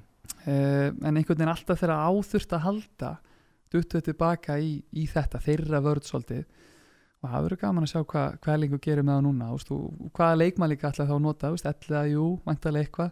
En Hald- hérna- Haldan alltaf Róberti Haldan alltaf Róberti fyrir aftan hann að Já, svo er þetta náttúrulega bara við erum að spá fyrir deildina að þetta er nýð þjálfari, mikla breytingar þannig að við erum kannski svolítið að reikna með að IBF-lið verið svolítið eh, svona lengi í gang. Eh, svo veit maður aldrei hvað það gerir í, í, í, um áramótin. Eru þeir að spara budgetið og, og vaði einhvern, uh, alvöru markmann um áramótin? Já, eða, og jafnvel eitthvað meira, maður veit það ekki það kemi, kemi ekki á vart og Svo veit maður við, ekki við, skilur séð það, við höfum séð, séð það áður. Mm það minnstur, Svo veit maður ekki hvort þeir spili eftir tíu útileiki í röð og spili svo bara heimaleikin eftir árum út það er náttúrulega mjög annar í þægilegt. röð eins eðlilegt og það ljóma það er ekki að fara að skipta á parketin áttur það Það var var fyrir leki í sumar. Pús og, slípa. Uh, Strákar, það er uh, Fanna Friggisson uh, hann er búin að vera lengi í atvinnumennskunni, ekki fengið mörg tækifæri ekki fengið mörg tækifæri með landsliðinu bara eina skipti sem ég sp- síðan spila hvað ég segja, bara síðustu 6, 7, 8 ár, svona sem ég man eftir. Það er rauninu bara þegar við í FO fyrir mig aðeins í Þískland og svo mætum við þar. Mm uh, hversu hversu góður er Fanna Friggisson á ólistildar kalibur? Hann náttúrulega styrkir og náttúrulega sóknarlega og hérna, hann náttúrulega hefur verið hérna viðlunandi landslið og, og ég er með mikið sprengikraft og, og, og bara góður í handbólta en hann náttúrulega hann er að fara að fylla skara Robert, Robert Arons sem er ekkert grín þannig að ég veit ekki ég, átnið, er þetta, er þetta mikið styrking? Þetta er svona öðruvísi styrking, myndi ég segja en þess að skoða náttúrulega mikið af vídeo með þeim í fyrra eins og, eins og öðru leiðum og á svona stundum eins og IBF er að spila með tvær vinstri skittur með Begga og Robba saman Mhm. og Robbi er náttúrulega búin að taka miklu framfyrir sem miðjum að en maður svona heyrði þú veist að kannski ein af ástæðanum fyrir því að hann væri að skipta vilja núna væri að hann vildi fá að spila meira sem skitta. Gerir það kannski ekki hjá Valur stani núna, ég veit það ekki. Já, kannski er meira þegar rótiringin fyrir gang. einmitt sko, þannig að ég hugsa að muni gefa Begga alveg og Donna náttúrulega hinni með líka mikið að fá fanna sem er svona kannski miðjumar að upplægi þarna á milli sín, náttúrulega gríðarlega klókur og reynduleikmaður, mun örgulega geta unni vel með, með Kára líka en, en svona, þú veist, hann, hann kannski mun ekki skila öllum þessum mörgum ég veit það ekki, en vonandi bara, vonandi fyrir þá mun þetta ganga, en, en svo náttúrulega Donni að hinni með, hann er að koma nýrin búin að vera, bara hann er búin að vera fjölninsliðið þó hann sé ungur árum hennar tíma sem hann hefur verið þar er hann að fara að ná sömu hæðum sem bara, hvað segir maður, lítill fiskur í stóri tjöld Já, ég skal aðeins tjá mig taka boltan hann þar sem ég þekki hennan dreng uh, vel uh, hann náttúrulega var hann með mér í fjölni í fyrra og eins og segir almaður þar, ég meina það var svona eins og Arna Birkir í, í, í fram. Það var þetta maður sem var að taka bara, ég veit hvað ég segja bara 30, 35% af skotunum og ákvörunum sko, það var bara allt sem fór í, í gegnum meira en það er ekki þetta, 35 Já, þú veist, af skotunum allavega og svo bara, þú veit, það var inni bara ef að átt, það var nánast bara ef að markaða stóðsting, það var mjög, mjög mikla líkur að hann hafi áttar hluti máli. Og þetta er strákuð, hann er búin að vera lengi þarna í, þú veist, í venda freka vendu umhverju getur við sagt í grafaveginum, búin að vera almaðurinn þarna í nokkur ár. Uh, Donni er svona þetta er rosalega rólegu strákur. Þetta er ekki svona, getum orðað þannig þetta er ekki, gauri sem að kannski tekur yfir klefan og hann er svolítið svona tilbaka, rólegur.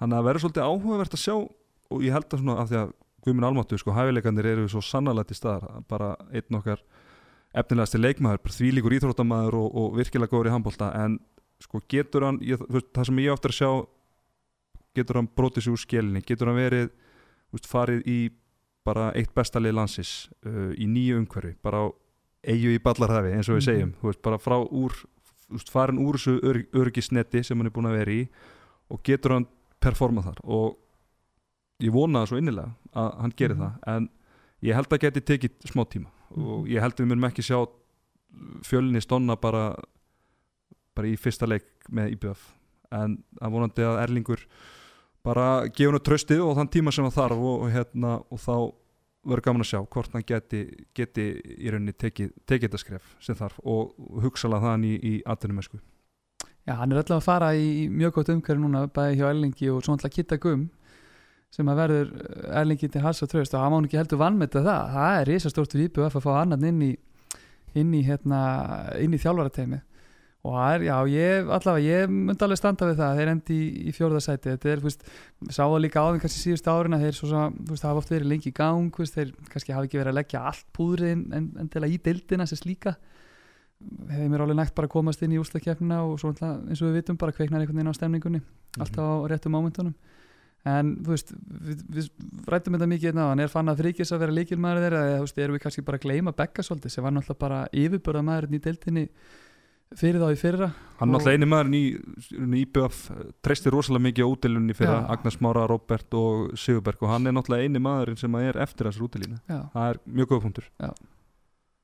Uh, Ef ekki bara velja kúlbætleikmannin jú, Ég ætla ekki bara. að fá að velja kolla bara fyrir þessa Instagram mynd á hann sem að hann var, var glæsileg. Þannig að Kolli, þú ert kúlbætleikmaður IBF Heyrið þá ára þriða setið. Uh, þá er það, það er lið Selfoss sem að endaði í öru seti í deildinni í fyrra. Uh, þjálfarin er eins og, í- eins og í fyrra Patrikur Jóhannesson, þeir sem eru komnir eru Alexander Móri Egan frá þrótti kom tilbaka á láni Mattias Örn Halldórsson, doktor Mattias hann er byrjar aftur eftir uh, nokkur ára frí og markverðurinn Kavel Kipulski frá Pólandi og þeir sem eru farnir Teitur Örn Einarsson í Kristjánstad og Eymundur Hrannar Gunnarsson Eymundur Rauði eins og hann er stundu kallaður hann er farið til Danmörkur uh, þeirra sterkasta byrnulið okkar mati er Pavel í markinu, Hergir vinstramein Haugur, Elvar og Átni Steit fyrir utan, Elvar og Haugur vantarlega mun skipta með sér miðinni og skiptunni. Uh, Guðanbaldur í hægra hótninu og Atli Ævar á línunni uh, Strákar Selfoss bara spútninglið ásins í fyrra. Óttist ekkert second season syndrom eins og við köllum það. Nei, ég held að uh, gæðin í liðinu sé bara það, þau, mi- það mikil að, að það verði ekki vandamæli hjá þeim. Ég, ef ég var að segja alveg sér ég hefði hendum ofar í, í spáni. Mm -hmm. uh, Jú, þeir missa heitan teit en á samaskapi er þeir að fá Otnastein aftur tilbaka vonandi er Pavel Kibulski betri markverður en þeir tveir sem fyrir voru í, fyrra og sem voru í miklu basli lengi vel í markinni í fyrra. Haugur mínum mati besti leikmaður deildarinnar. Strákar sáu í Európa-leiknum um helgina á móti litónu sáu her, hérna línusendingun aftur í bak? Úff Úff, þetta bara Þú ætlaðir í bæinn þetta en þurftur þess ekki. Já, það við getum, orðað þannig, það var ótrúlegt. Uh, Talandu þann leik, þá hrefst ég virkilega mikið að átna steini þar. Hann er búin að vera í miklu basli með öxlinn á sér undanverðin ár. Uh, og svona áður en að ég sá þennan leik þá hafði ég svolítið áhyggjur af í rauninni hær skýttu stöðunni eftir að Teitur fór en þarna voru að sjá bara svona vintage átnasteini þetta var svona átnasteini í haugum 2013, 14 og 15 hann var gjörsalega geggjaður og það verist ekkert vera öxlinn á honum. Hann var svoleiðis að lúra honum á markið eins og engið var í morgundagurinn. Þannig að það er spurning að sjá. Ef að öxlinn á honum heldur þá kannski getur hann uh, bætt fyrir það skar sem að Teitur uh, skilur eftir sig. Stráka, það er eitt leikmann sem við erum ekki búin að minnast á en þá, það er Einar Sverrisson. Já, hann steg heldur betur upp í fyrra þegar áþurfti að halda og við rættum hann eitthvað einn á hann þú veist eins og er velja nú mikið að tala um í NBA þú veist, hann hefði nú verið það ekki svona besti besti áttundi maðurinn, eða ekki, í deildinni fyrra algjörlega, Að öðrum bara ja, sérstaklega úrslitakefni Já, sérstaklega bara, sko. og, líka svona, og líka bara í rauninni á þessu rönni þegar að þessu rönni sem að Selfoss var á eftir áramót þá var hann virkilega öflugur Mhm. og bara held í rönni inn í inn í úslita kemna Já, bara gefið mikið, er náttúrulega bara veist, uppalinn heimamaður og eins og held að þú er nefnt búin til þetta hérna fyrir þáttin að veist, hann virtist bara sætta sér svolítið við hlutverkið. Þú veist að Elvar og Haugur fengur svolítið að að blómstra. Mhm. en þú veist, svo bara þegar kalli koma veist, þá steig hann ekkert smá upp og, og held ég bara hafi svolítið komið þeim þetta langt. Þetta er náttúrulega út á- á- svaka rimmu við okkur í okkur í FH sem að svona heilt yfir kannski alveg hefði getað dottið hvorum meginn sem var en hérna, en Átnisteinn já, við förum aðeins aftur á honum. Hann leit ótrúlega vel út og þetta er náttúrulega bara var stóra spurningamerki, hvernig ætlaði að fylla skarði sem að Teitur skilur eftir sig? Og ef Átnisteinn er í þessu standi og, og næra að haldast nokkuð meðstalaus út tímabilið að þá held ég já, ég get alveg sammála Arnar en það, þeir þriðasæti verður þá bara verður kannski bara varfærnislegt. En, sam, sko. en samt sem áður, við erum að tala um að hann geti bætt uh, skarði sem að hann teitur skilur eftir sig. En er ekki þá veiking, þú veist, Átisteyt var að spila hæra fyrra, er ekki samt tölur veiking að út með unga strákuna Guðan Baldur? Jú, efnilegur strákur en hann er kannski eftir að sína okkur að hann sé á þannig lefilega að hann sé að byrja í liði sem ætlar að vera að berjastu til. Það, það er greinilega eða bara með fullir verðingu bara veiki hlekkurinn í þessu liði. Mm.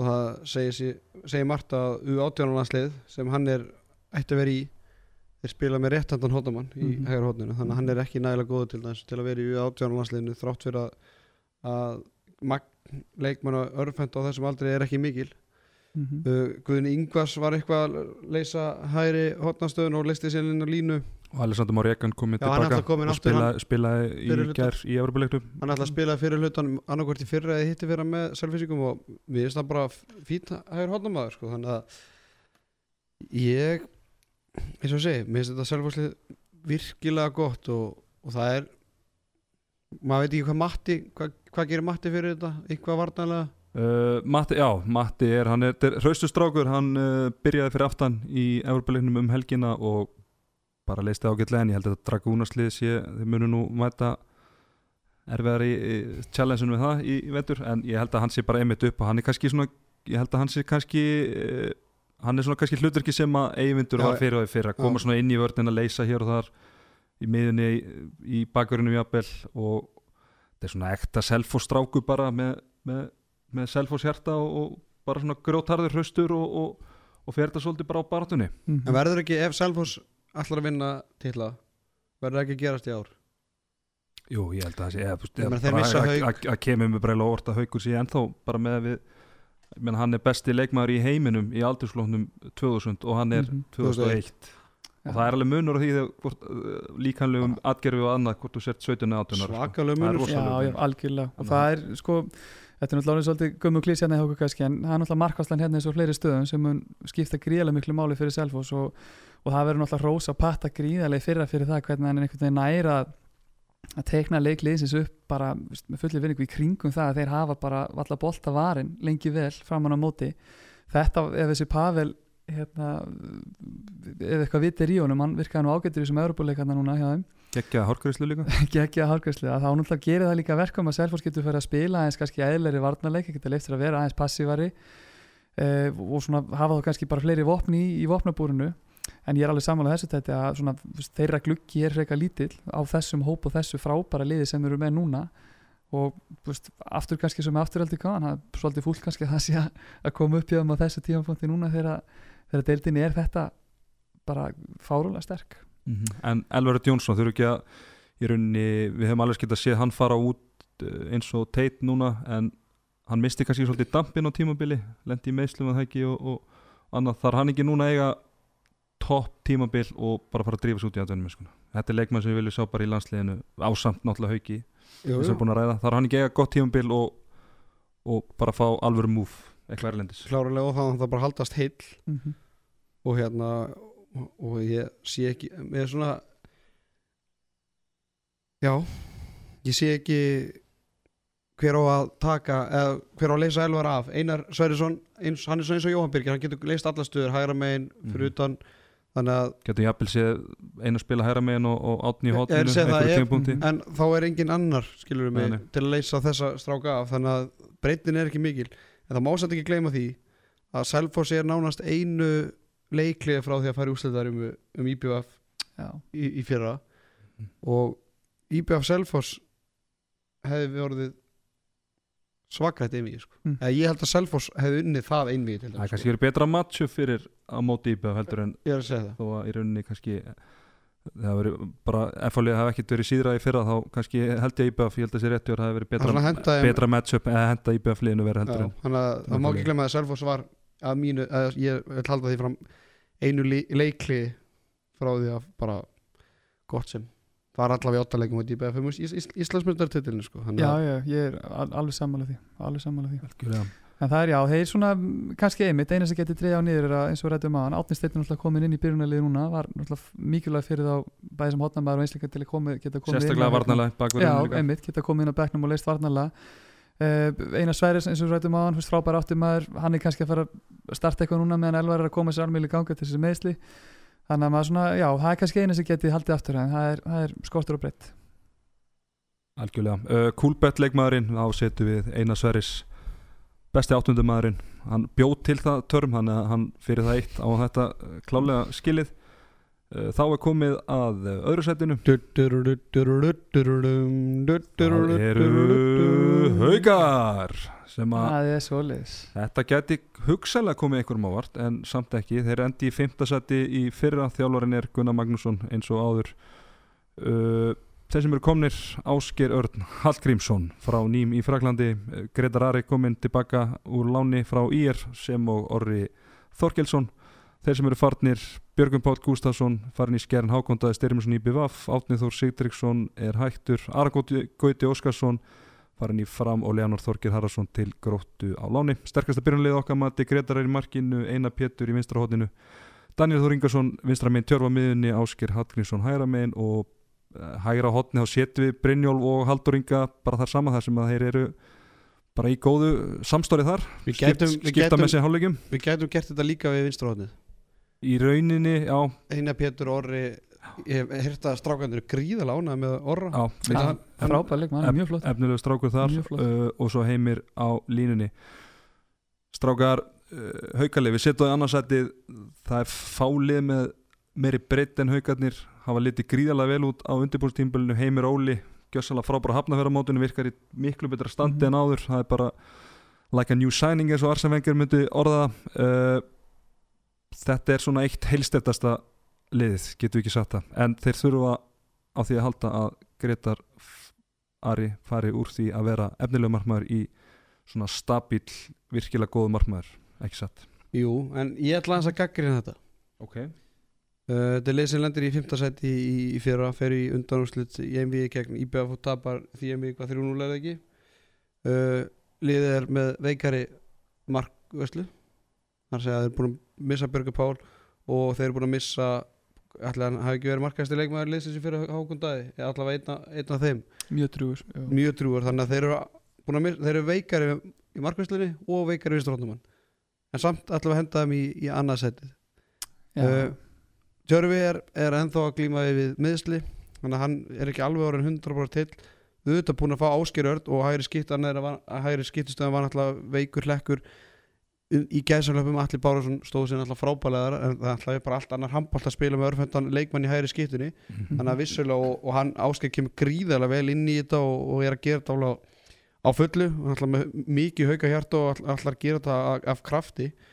Mér finnst svolítið skrítið að sé að lána Leonhard Mhm. í, í gróttu út af því að þeir eru með þrjá örfenda og ert að fara inn í heilt mót með þrjá örfenda Mhm, Það var náttúrulega að hugsa vantarlega læðuna sem bakka upp þá fyrir Áskir og Brynjólfur við verið að spila þarna eitthvað líka. En, uh, en var, var tíabili fyrra svona mikil vonbyrði á haugurum að þeir voru bara spilandi getu eða af hverju lendir þetta liði í fimmtasæti það var eiginlega með ólíkið þeir byrja náttúrulega rosalega brotætt eða þeir sem sagt, eh, mikið meðsli hjá þeim í byrjun tímubils í fyrra. Uh, náttúrulega án Adams fyrir árum vorum Adam náttúrulega er nánast uh, og bara var í rauninni komst aldrei í neitt almennilega gýr einhvern veginn eftir náttúrulega erfitt að- engirningssóknin hún er er farið illa með marga mannin en þeir hafa verið að spila aðeins aggressívari vörn heldur en það hafa verið að gera áður náttúrulega eins og segir ekki með jafngóða markmann en þeir náttúrulega bara voru líku við bara á 6-7 metrunum með bjögga og, og letu hann bara taka sitt. Hafa verið aggressífari uh, besta liða hafnaverðarmótunum leitu best þar út uh, með virkilega hvað að segja, með svona fjóra virkilega góða leikmenn sem geta að spila í þristunum Heimi Óla, Jón Þjórbjörn uh, Adam og, og Daniel. Náttúrulega áskir styrkið og náttúrulega ekki, bara sóknarlega og náttúrulega gríðarlega varnarlega. Mm -hmm. og kannski svona kemur þá reynslinn í hópin sem er missa með, í, með bjögga náttúrulega. Og uh, svo verður gaman að sjá hvernig Einar Pétur og Orri Fyllarskarð uh, Hákon staða Já, algjörlega, ég ætla að sko mér fannst haugarnir bara að vera einmitt góðri hæri skiptu í fyrra frá því að geta jafnvel gert stærra og meiri hluti. Þetta er náttúrulega frábæð punktur árnar þetta þeir eru að missa mikið á móti, bæði, já, sérstaklega náttúrulega frá í markinu og eins Hákon í hotninu en ég allavega held að Áskir gefið það mikið bara, þú veist, hvernig hann hefur komið inn í það sem maður hefur séð virkar í fínu standi, þú veist, Öxling kannski var orðin aðeins lúin hann í, í húslítalegnum í hafnafæramótinu mm -hmm. en hann allavega smeltpassar inn í þetta lið og og hérna eins og þú bendir á tetti, þú veist, þeir virðast að allavega svona við fyrstu sín vera kannski öllítið aggressíðari varnarlegin hafa verið, voru aðeins að fykta viti fyrra setnipartin á, á tíðan bylna að, að fara úr sexuálverðinni svona nokkurt nefn bara upp í jafnvel í 31 eh, við ákveðna aðgerðir og það er náttúrulega með hjálpa Gretar í markinu að, að hérna, fá kannski aðeins erfiðari skot á sig, erfiðari skot fyrir sóknamannin en já, þetta er djart að setja það í annarsæti en þú veist, ef maður horfir bara yfir hópin bara nöfn á bladi, þá fyrir mér er þetta allavega eitt allra, allra heilst eittasta lið og ég var, var lengi vel að gæla við að setja á í, í fyrsta sæti, hefði ekki hitt gaupaðn í pöllunum að hafna hér á mótinu?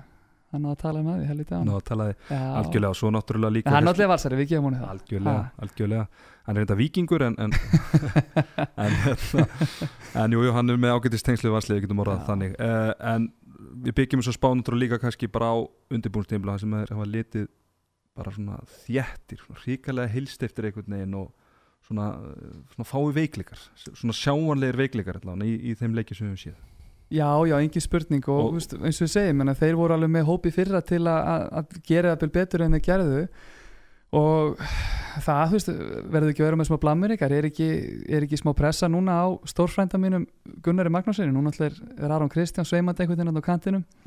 Ég veit nú ekki hvað hann er titlaður yfir framkvæmdastjóri Íþróttasviðs stjórnunamála eða hvað þetta heitir, hei bú alltaf til svaka stuður upp á ásvöldum ég þarf eitthvað að skoða þetta núna hjá bænum maður. En hérna, þú veist, ég, já, ég held að það er svolítið ár núna fyrir haugana að, að ná í títil, þú benti nú að þið fyrir átnættið á Twitter að menn getur nú ekki verið ána með títil að stíðanbyrð þar. Tvö ári röð. Tvö ári röð. Mm -hmm. Þorgir er nú þannig formaður líka, hann, hann vil árangur. Þannig að ég held að haugarnir þurfa að gera góða allu núna bæði að, að, hérna, að deildinni og, og svo ekki síðu kannski Íslands og byggamestara til hann Algjörlega, uh, strákar, það er strákar hérna Árið Þorkelsson sem var lánaði til Íri fyrra. En ekki leikmaður 20 ára landsins. Vinstróðamaður þar spilaði bara virkilega vel þar í sumar.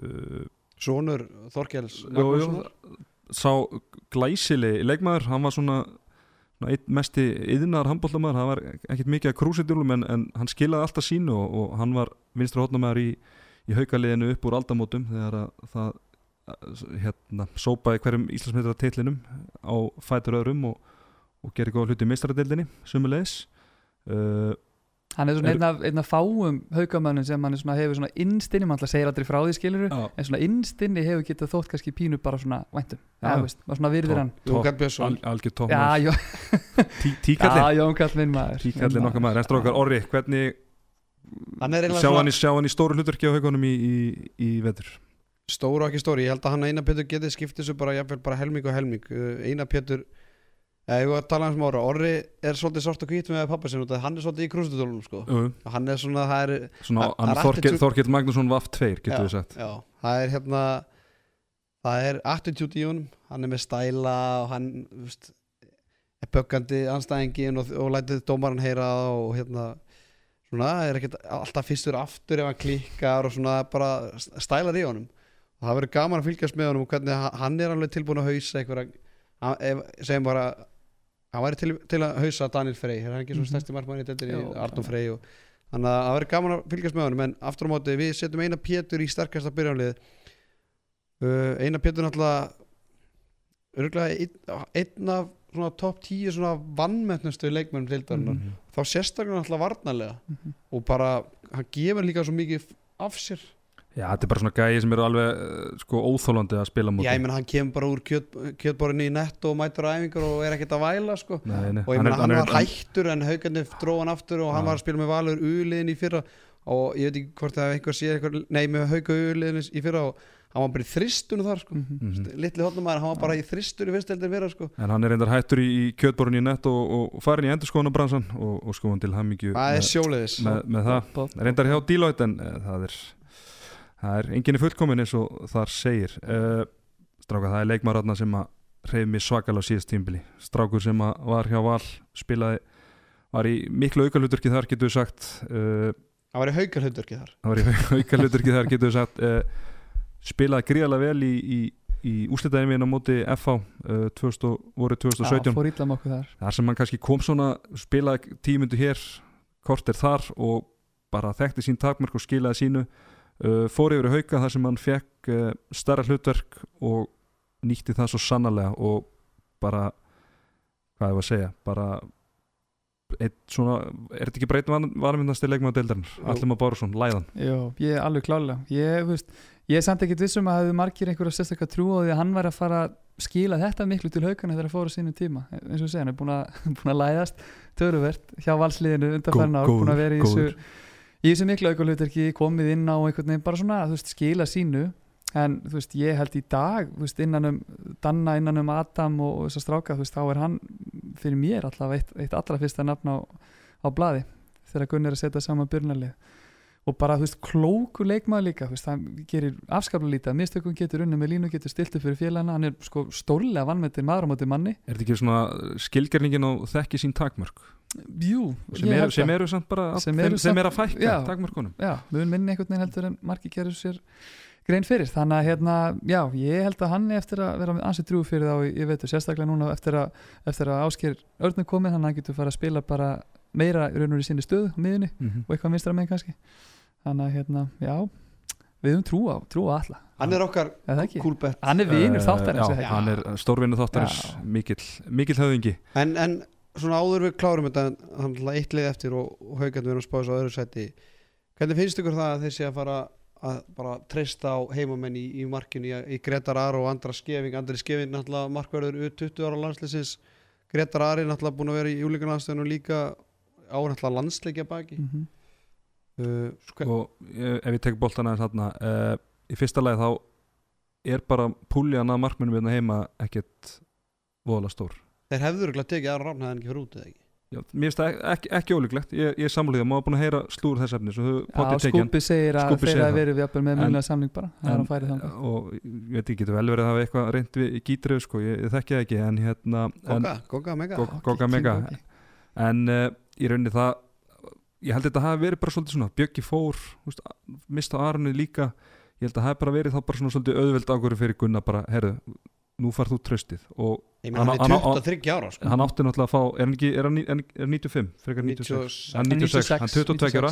Búin að vera svona, já, hann átti að fá tröstið í fyrra svo kemur Bjöggi inn svona hvað getur við sagt svona uh, með setni skipanum og, og þannig að núna held ég að það bara svolítið verið bara mómentið, herru vinnur, nú farð þú tröstið og bara annarkvort nýtir það eða ekki af því að í rauninni til að þú getur stíið þetta skref að vera ungur og efnilegu markmaður yfir í að vera góður og stöðu markmaður, þá þarf það að fá tröstið og það verður bara spennt að sjá hvernig hann höndla það, ég veitur Já, þetta er náttúrulega gríðarlega ungt markvartæmi, Andri Ísak náttúrulega er- nei, Andri Ísak, hann Andri Skeving segi hvað er, hvað mótil er hann annar? Hann er 98 8-9 98, já. Já. já Sko það, já, ég bara þangur til annað kemur ljós, þá er þetta náttúrulega bara var frábær fyrstöldin hér sko. Já, þetta er náttúrulega bara djörfa ákvörðin í haugunum að bara spila á sínu strákum, uppöldu strákum sem eru báðir Já, jú, ekki segja báðir en það ungjur erfnilegir en, en ég er samt samanlega þetta að það svona fer að koma því núna Greta þurfa að stíga þetta skref. Úr því að vera erfnilegur yfir að verða virkilega góður hann alltaf kom yfir til okkar í FH á sínu tíma í yngir flokkunum og ég hefst mjög á hann þar og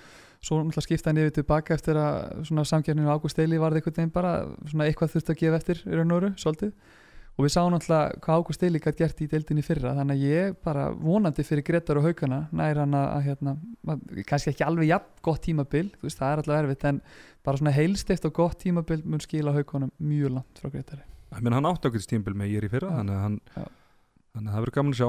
En uh, nóg komið af haugunum og þá er komið að liðinu sem við spáum í fyrsta sæti það er uh, Valur. Þeir endu í fjórða sæti í deildinni fyrra. Þjálfarar eru þeir Guðlur Arnarsson og Snorri Steinn Guðjónsson uh, komnir, það er engin smálisti, Róbert Aron Hostert frá IBF og bakkabróður hans Agnes Mári Jónsson frá IBF og Daniel Fer Andrisson frá Ríkó. Og farnir Sigur Ingeberg Ólafsson í stjörnuna Ólar Ægar Ólafsson í Leikers Stafa er það ekki Sviss, er það ekki rétt muna hjá mér? Jú.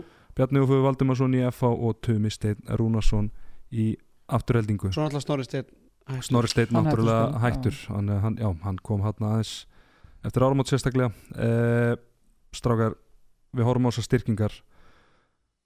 Svo svona mín 5 cent á þetta stærsta nafni þarna.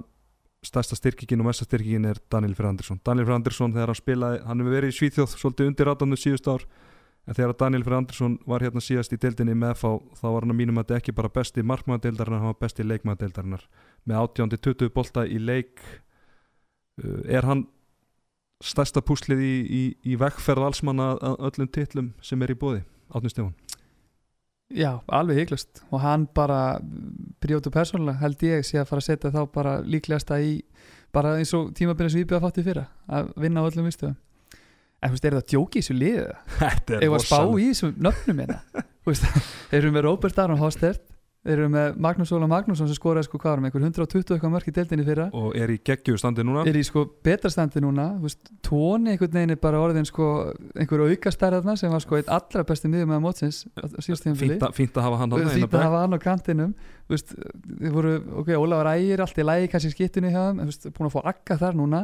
Danna í markið það bara ef að, ef að og, og valsarni Svein, vinna ekki Sveinárun í rauninni bara allt tímabili í standi hann alltaf Var ekkert með fyrir árum var ekkert með fyrir Nei, áramóti fyrra og, og var í afturreldingu þarna. Og ég meina ef að valsarnir er ekki að fara að vera í sko baráttunum alla þessa titla þá bara já, það er náttúrulega fyrstilega eitthvað mikið að og þá er það ekki, Arnar Dæð, þú þekkir nú vel til að hlýðina þetta, þá fara nú einhver spjótið ekki að beina stað okkar ég, manni. ég er alltaf tilbúin að taka við sko. Er það ekki? Þeir vita það. Þú býður þessu köttur á kantinu Já, já. Nei, ég meina þessi, þessi, þessi hérna, leikmanna kaupjáðum, ég meina þetta bara öskrar það.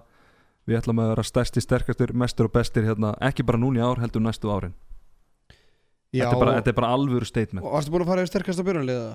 uh, Nei, ekki bara Förum að yfir það og farðu síðan yfir bekkin sko. Já, það er hérna Daniel Freyr Andrisson í markinu Vigni Stefansson í vinstra hótni Magnús Óli Magnússon í vinstri skittu Róbert Arn Hostert á miðinu Agnar Smári hægra megin Sveitn Aron í hægra hótninu og við setjum orra á línuna. Hvað í bekkið þá erum við að tala um Einar Baldin, Einar- Markvæður Steven, við erum að tala um Alexander Júliusson við erum að tala um Anton Rúnarsson Ásgeir Snæ Ásgeir uh, Ínage, Einar, Ímir. Einarbaldin Ímir. Þetta er Nei, ég meina þú ert Þetta með, er þú, rosalegt lið þú ert með tvo sko, þú ert með tvo landslið og svo ertu með náttúrulega, þarna erum við að stilla upp sóknarliðinu sko, svo ertu með tvo landslismenn þarna sem að geta komið inn í varnarleikin Ímir og, og Alexander Já, og svo líka við tökum aðeins kannski út frá svona minni hlið sko, ef við kíkjum á þjálfarateimi alltaf, þú veist, Snorra Stein og Gulla þarna saman. Bara sóknar og, og, og bara varnar doktora. alveg sikur þannig að veist, það er alveg sama hver þú lítur niður á þetta vanslið það er allt sem öskrar eins og þú segir. Við erum bara að fara að verða á topnum uh, en það eru já, það eru náttúrulega skipta mikið út, sókn og vörn og það náttúrulega getur í mig komið inn og, og svo Alexander Júliusson að þú spurðir aðan að þetta um Ísak. Nú vil ég svolítið fá að vita af hverju hefur hann ekki spilað meiri sókn undanferna og þetta er gæði sem náttúrulega var val í landslega á sínum tíma sem vartamæður umræðan búin að vera mikil á Íslandu um það að við séum ekki að búa til nóg mikið að heilsættu mönnum, við búum annarkvort bara til sóknarmenn og til varnarmenn og svona utanakomandi, þú veist, fyrir mér ætti hann klálega að vera búin að fá að spila meiri sókn og vera komið lengra þar. Er eitthvað þar á bakvið? Nei uh, nummer, uh, Fyrsta svona er kannski bara hann hefur ekki fengið það traus sem hann hefur þurft og, mm. Og það er alltaf að vita að í val er settur mikið svona menn vilja ná árangri. Mm. og þá er kannski ekki tími fyrir því að leikmenn eru kannski misgóðir og, og hérna Alexander hefur ekkert alltaf gripið tækifærið þegar hann er að, fengi, að spila sókn. Þannig að hann, og hann veit það alveg en, og, og svo segir hann röglega tilbaka hann, og hann finnist hann að þetta hafa fengið meiri sen sko, Mm það er að, að tala um það uh, hvaða leikmenn hafa verið þarna undan honum þeir náttúrulega fengu Júrits Jósef Júrits sem Mhm. náttúrulega var frábær þegar hann Mhm. kemur uh, Anton Rúnar sem náttúrulega verið þarna hann var að stígu upp hvað þegar Valdimar fann að Þórsson svona hann var svo hafa verið með Guðmund náttúrulega Guðmundur Hólmar Mhm. var þarna þannig að Elvar, Elvar Friðriksson Elva Friðriks og svo náttúrulega var allir líka eitthvað þarna Mhm. og þannig að hann hefur ekkert verið að berjast við einhverja aukvisa um mínútur sko. þannig að hefust, í flestum öðru liðum hefur Alexander fengið fleiri mínútur en, Mhm. en það hefur náttúrulega þeir hafa reynd að breyta hann í línumann og, Mhm. og allt það og, og hann náttúrulega hefur skorað einhver mörk hér og þar en hann er mér finnst það svona takmarkaður sóknarlega Mhm. og ég, ég myndi ekki ég veit ekki hvort það sé hægt að líka honum Ísak Rapsson Ísak er svona, hann er skitta Alexander er fastur, Mhm. en hann er eins og sé hann er takmarkaður, hann er svona hann er alltaf massaður og, og svona hann er ekki Hún finnst gaman að fara í bekkin hann, er alltaf svona, og segi hann, ekki, alltaf- hann fær ekki fleiri mínútur í sóknarlega núna en Nei, ég held, að, ég held að það sé nokkuð ljós sko. en hann alltaf sem varnamæður alltaf fyrir mér er hann einn, einn allra, allra besti og svo erfasti viðrygnar frábær, Frábær. frábær. frábær fótunum og nautraustur hann elskar að svona klípa sko Já, svona, þú veist, menn finna alveg fyrir því þegar sko. lendi á honum og þú veist, og þú veist, rónleirið með ímeðna líka þú veist, orðið sem getur spilað í þrist það er, stráka, það er alveg sama hvað við eins og segið, tölum um þetta vansti, það er bara valið maður í, í hverju rúm Já, ég meina við getum eins og með Alexander að, Guðmundur Þórið Guðmundsson landsinsþjálfari hann náttúrulega bara sér uh, Ingimundarsson vaff Já. tveir hann í honum Já. bara í rauninni sem bara svona tilvalin í, í, í það hlutur sem svona, Já. svona En ef við kannski snúmum þess aðeins við hérna, á þess að ég kannski taki stjórninni sem þetta aðeins þetta, bara, hva, bara verðir að þig þú veist, en hvað þarf að gera svo að valsarni vinni ekki til þeirna ef við snúmum þess aðeins þannig. Það þarf bara lélugum móral. Já, og já, svona bara að rithmin, þeir ná ekki rithman Mm. og náttúrulega sko, svo veit maður aldrei eins og ég held, eh, eins og ef við að tala um ef við tölum um deildina þá er lítið en svo náttúrulega bara getur allt gerst í, mm -hmm. í úrslitakeppni. úrslitakemni sko. hvort veist þeir líklegir til að vera deildamistarar eða Íslandsmistarar Wow, deildar já, ég ætla samt að segja nei, ég myndi segja Íslands af því það, það gæti alveg gest að taki smá tíma að, þú veist, eins og út af það, finna hann að rithma mm -hmm. Þú veist, það eru nýjir strákar að koma inn þó ekki náttúrulega þekki þetta til hjá val og allt það en þú veist, það eru breytingar á hópnum og hérna þeir gæti alveg þurft smá tíma til að spila sér saman og vera svo orðni nautsterki þegar úrstakjafni byrjar og það líka, þú veist, það er bara þú veist, ógrimmi af reynslu. Er mönnum sem þekkja það að vinna og, og hafa lift, lift hérna, dollarni það sem ég kannski tekin í myndina þar er uh, að náttúrulega út með íbjöflið sem að mun taka tíma að, að púsla sér saman sömu leðis uh, ef þeir fara og, veist, við þekkjum það, það er oft til nóga seðlum í Vestmannum og ef þeir fara í janúar og, og kaupa sér almennilega markmann og kannski einhvern einn með honum að, að þá getur við verið komið lið sem, kannski, sem er kannski að challenge varslið en er kannski komnir rólant á eftir lestinni mm -hmm. á þeim tímapunkti til að vera Mhm. deildamistari Já, en hérna Já, þú varst nú á þjóðut í ártætti, það var nú eitthvað peningum í kassanum Já, ég ætla að það. ég laði mitt á mörgum, við getum, Já. orðað, við getum orðað það þannig uh, Strákar, Robert Aron Hostert, við setjum hann hérna sem líkilmann Er þetta besti leikmaðurinn í deildinni? Sem sagt, ef við, ef við tökum ég er búin að, er besti, að, besti, sóknarleikmaðurinn í ég er deildinni búin að vilja haug þrasta sem, besta sóknumann Já, Já, ég sko, stærri spurningin er kannski er, er Robby besti sóknarmæna besti maður sko í valsliðinu? Ég meina við erum alltaf með þessu og rættum maður Magnús Óla sem var sko í frábæri standi fyrra og virkar í ennþá betur standi núna. Það er bara, það er, ef ég svara kannski spurningunni sjálfur náðan uh, það er líka spurningum það, ég meina nær snorri og náðir saman að deila öllum þessum mínútu niður og menn þannig verðist temmilega sáttir. Þetta er auðvitað langt tímabil og allt það en, en hérna, allavega er, það er, er nóga mönnum sem geta spilað þarna. Er Robby auðvitað frábær og veist, að ég veit ekki, jú ég hann var klálega top 3, top 5 leikmæri í deildinni en, en ég ætla að fá að sjá hann aðeins og val á henni krínan hann besta, eða ekki? Algjörlega. Uh, Kúlbett leikmaður vals, þar völdum við Steven Bara, er ekki, það er ekki annað hægt eftir hans, hans framgöngu Nei, klárlega ekki á síðasta tímubili það er bara vonandi að hann haldi að fórum að fá mínútu Vignir Stefansson alltaf var að glíma meðslu og Stífan fekk alltaf tækifæri í kjölfæri þess en síðan alltaf kom Vignir inn og var bara frábær. Mm það er svona eftirtegnaverk hvernig Vignir Stefansson sem er orðin 28 ára og verður 29 ára að hann verður bara betur og betur með hverju tímulinu já, mm -hmm. það er líka eins og vorum að og ræða hann er eins og 22 ára já, vorum að ræða hann með eina Pétur Gríðala valmyndilegmaður já, ekki Já, ég meina hann var bara að glíma við það að skora ekki mark þegar hann koma í val sko. hann átti Mhm. erfitt hann, ætla, hann kemur í val hann þegar eru mikla breytingar Július Jónasson er að taka við liðinu þá og þeir eru bara í fallbaróttu Mhm. og hérna en síðan bara tók hann sér greinlega eitthvað á og ég meina senstu 2-3 ár hann er bara búin að vera með fáranlega góða nýtingu Mhm. Mm. og eins og segi, mér finnst alltaf eins og, eins og, eins og hann sé Sol, 22. solid leikmar virkilega solid leikmar mjög, mjög en alltaf en valsarðir eru að lendi í sama og haugarnir þeir að styrkja hægri skýttustöðuna sína. Þeir alltaf voru með tvo vangbrotna leikmenn í fjöra mm í Mhm. Átna þó Sigdursinu og Ólafi Ægi Ólafsinni sem voru báði bara að glíma við mikið meðsleð þegar þeir voru að spila og Óla Ræðin alltaf bara píndi sér í gegnum þetta tímabil. Mhm. þeir eru að fá Agnar Smára Jónsson heim. Þarf ekki að segja, þeir voru eins og þú segir með átna til dæmis sem að horfið á alla marki í fyrra. Þú vart ekki að segja við Agnars Mára tvísvar að- lúðra honum á marki það er eitthvað lítið. Það er eitthvað lítið. En hann að þú veist, þeir fá Daniel Frey í marki fyrir Sigga þeir fá Agnar Smára fyrir Ólaf Ægi. Ég held að styrkingin í eða, og sko, Robby bara inn hann Já, Robby kemur inn bara hérna svona fyrir já, fyrir Snorra Stein eða eitthvað en, en ég held að þetta sko, ástæðan fyrir að Valur var aldrei að fara að gera þetta fyrir að fannst mér vera hægri skiptistan Mhm. og núna er það komið mann sem elskar að vinna og ég veit að hann er komin í val núna til að vinna.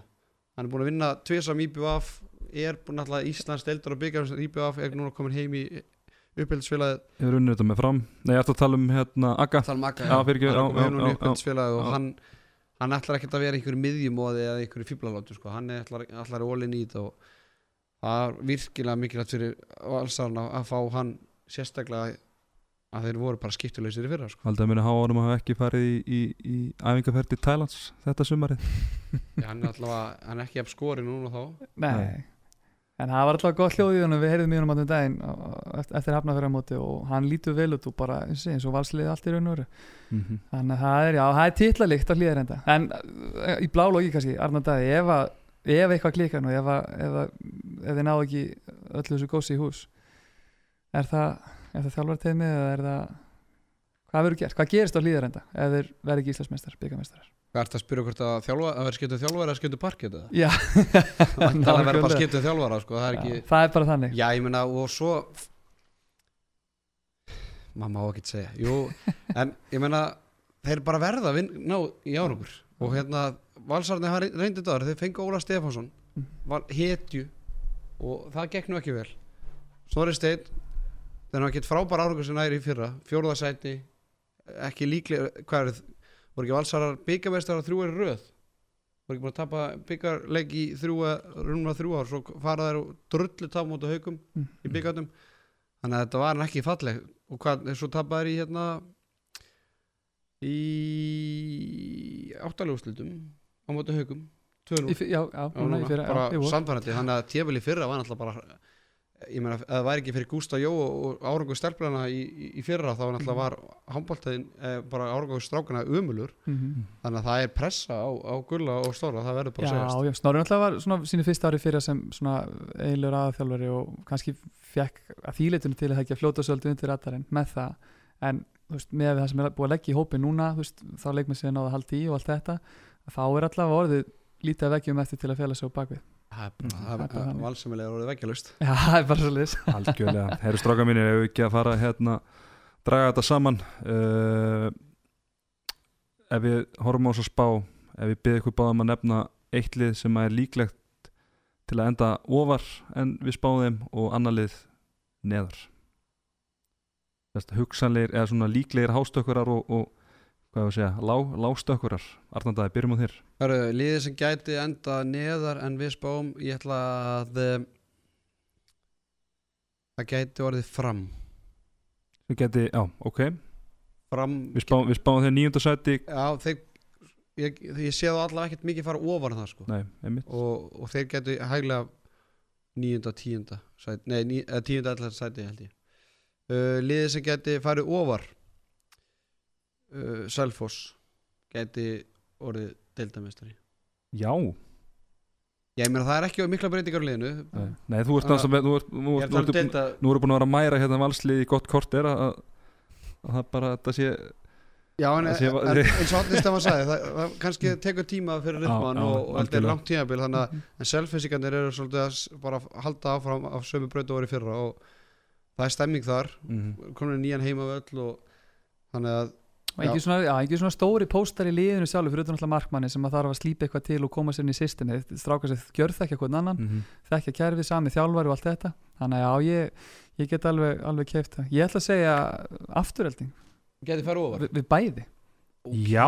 Ég ætla að vera svolítið djarfur. Mhm. það er það er svolítið erfitt erfitt að skilgjörna Já, erfitt að skilgjörna, þeir hafa verið svolítið rokkandi og þetta er náttúrulega lendi í öllu sem meðsla rugli sem hefur verið smá breytingar núna á hópur búin að fá betri markmann og allt það, lausu við pinnunin og ég veit ekki hvað og hvað.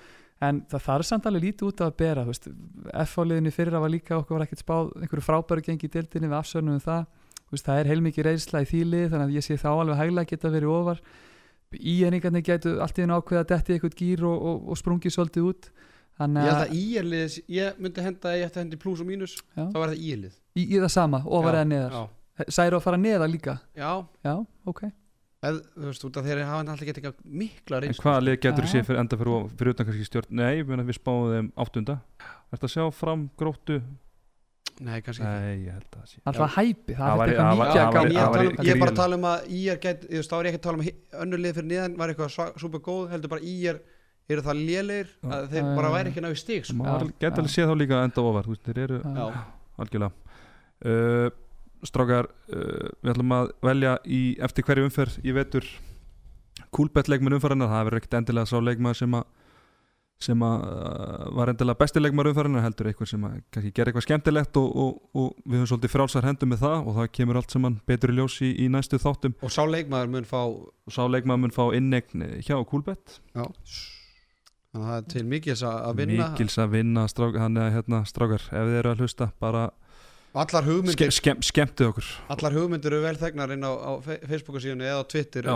undir handkastið þar sem að hashtag handkastið. þið getið bent okkur á okkur skemmtilega. Ef, ef ykkur var að hérna, missa sveindómi fyrir leik eða eitthvað það og verður til dæmis mjög stert mjög, það verður mjög solid að fá, fá að vita það er það. mjög líklegt að ef ykkur leikmaður er að missa sveindómi deildina hann er þið valinn kúlbett leikmaður þá umferðar en Getur, ertu með eitthvað í huga þar? nei, ég hef eftir að fara yfir það. Ég er meira í stelpudeildinni. Já, já, Jæja, heyrðu við ekki að renni yfir hérna fyrstu umferð uh, deildarinnar uh, þetta, hefst, uh, þetta hefst allt saman uh, nýjunda neitt, hvað er það, tíunda september, já, já, þetta er bara að bresta á maður þetta byrja nýjunda það byrja nýjunda, já. Þetta Æ, byrjar, ég, ég skildi ekki alveg. Já, byrjar jú, þetta byrjar uh, jú, byrjar nýjunda, það er rétt þér. Uh, þá er að tala um stjarnan afturölding þar uh, setur Kúlbett 2.75 á stjörnuna og 1.72 á afturöldingu svo erum við fram á val 4.50 á val þar og 1.33 á nei 4.50 á fram og 1.33 á val. IBF gróta 1.05 á IBF og 20 á gróttu. Það er ekki mikil trú á gróttumunum þar. Svo erum við með nákvæmnarslægin Káa á móti Akureyri 2 á Káa 2.20 á Akureyri. Ír Selfoss, þetta er virkilega spennandi leikur 2.35 á heimasigur Ír 1.9 á Selfoss og svo er að nákvæmlega slagurinn Haukar FH, El Clasico 1.72 Hauka, 2.68 á FH Strákar, hvað er svona gyrnilegasti stuðlir hann? uh, Girnilegsti stöðlega fyrir mínar sakir er útisigur Selfoss móti IR 1.90 Mm -hmm. ég myndi henda ég myndi henda varadekkjunum undir Ok, Já, ég, Fórst á ég í möstu, því, þannig að þetta er- er- Þetta er, er glæpsamlega glæpsamlega hástuðul Já. um, Svo er spennandi líka að fara norði fyrir heiðar og, og setja á já, heimamenn, setja á, setja á káa á móti Akureyri, Mhm. það, er, það eru svolítið tveir þar í stuður eins og við rættum henni í upphæði við spáum eins og liðum falli en, en af þeim tveimur og stanir akkurat núna þá held ég að, held ég að káa muni vinna það leika Káa unnu Akureyri á opna norðarskmótinu ekki nokkuð Já. samfærandi, algjörlega. Það má ekki gleyma því að bestu stöðlarnir þeir eru á kúlbett. Algjörlega, þetta er Kúlbett er að taka yfir hennan leik, það er bara þannig. En svo rétt í lokin þá er hérna náttúrulega kúlbett þú getur, það er líklegasti sigurveri dildarnar mm og þeir eru svona nokkuð fara eftir okkar spá þannig Algjörlega. séð en það er Selfoss með 5.50 að vera dildarmeistara ég ætla að henda einhverjum ég ætla Já. að henda hérna, skiptileiklinum á það. Ég Já, ætla að henda skiptileiklinum á það. 250 krónur Þetta er langtíma fjárfesting Já, já, Ha, fram í Mhm. mæ ég held að sé ekkit valsarnir það er 3.50 IBA 4 haukar 5 Já, Mhm. haukarnir þeir, við Já, erum að spá já. haukarnir 5 Er þetta, sorry, er þetta deildamestari eða Já, Íslandsmeistari? deildarmeistari. Þetta er deildamestari, Já. ok, já, já,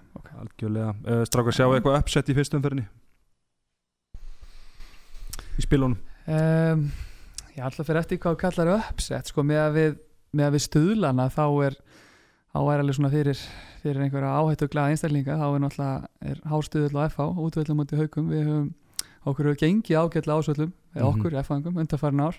Má ég ekki segja alveg okkur F-fangum en það er ekki alveg til gera hvað sem þú Er vilt það í þessum ekki? Jó, ég ætla, ég ætla að segja það. það Svo lengi sem það er ekki komið starfanast Já, nákvæmlega, okkur F-fangum þannig að það væri alveg, alveg áhugavert að að kíkja á það fyrir, fyrir menn en hérna, en svo er spurning með stjarnan, afturölding Arnardæði, stjarnan getur þess Ég nenn ekki á stjórnum aftur sko. ég, ég er hættur sko. Ég er farin á vagnunum sko. Já, ég ætla að senda þið út aðeins æstarina, það er alltaf best. Það er ágættu stöðlustjörnuna 275 þar. Uh, Dróka mínir, þetta er búið að vera langt og gott spjallið okkur hérna í dag. Uh, Við ætlum bara að fara að segja þetta gott ekki nema að vilja koma með eitthvað að, að lókum Nei, bara ánægilegt að sé að fara að stað og ég bara vonandi að hérna, fólk úti hafi haft gaman að þessum rúmlega tveimu tímum að þessu handbóltaspjalli Já, það verður nú kannski ekki alveg svona, við svona erum að stefna kannski á klukkutíman eftir hverjum fyrir en það sem að mörg lið og mikið að fara yfir þá náttúrulega uh, enda þetta í þessari lengd en bara vonandi hafið gaman að því.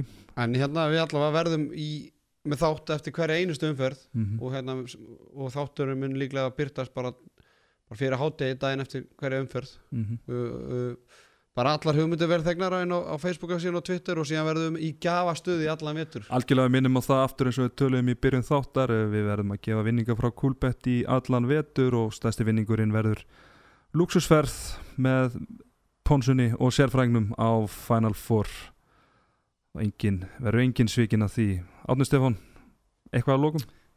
Já, bara fyrst og fremst náttúrulega gríðilega vonbrið að ég sé ekki hluta því teimi sem fer að nota Final Four. Já, má skoða það. Það má sko Nei, nei, það er bara enn og aftur stráka til hamingju með, með þáttin Þetta er frábæð viðbót við, hérna, eh, við mjög góð umfjöldun íslenska handbóltans í dag og ég sé fyrir mér langan og, og skemmtilegan vittur frábær deildi fyrra og frábær ústakefni og ég á ekki vonu öðru en að þetta verði jafnvel, jafnvel betra núna. Mörglileik í Európukefni og, og það er, já, það er ekki bara er ekki blúsandi gangur í íslenskum handbólt ef ekki að fara út svolítið á svona góðum nótum með það.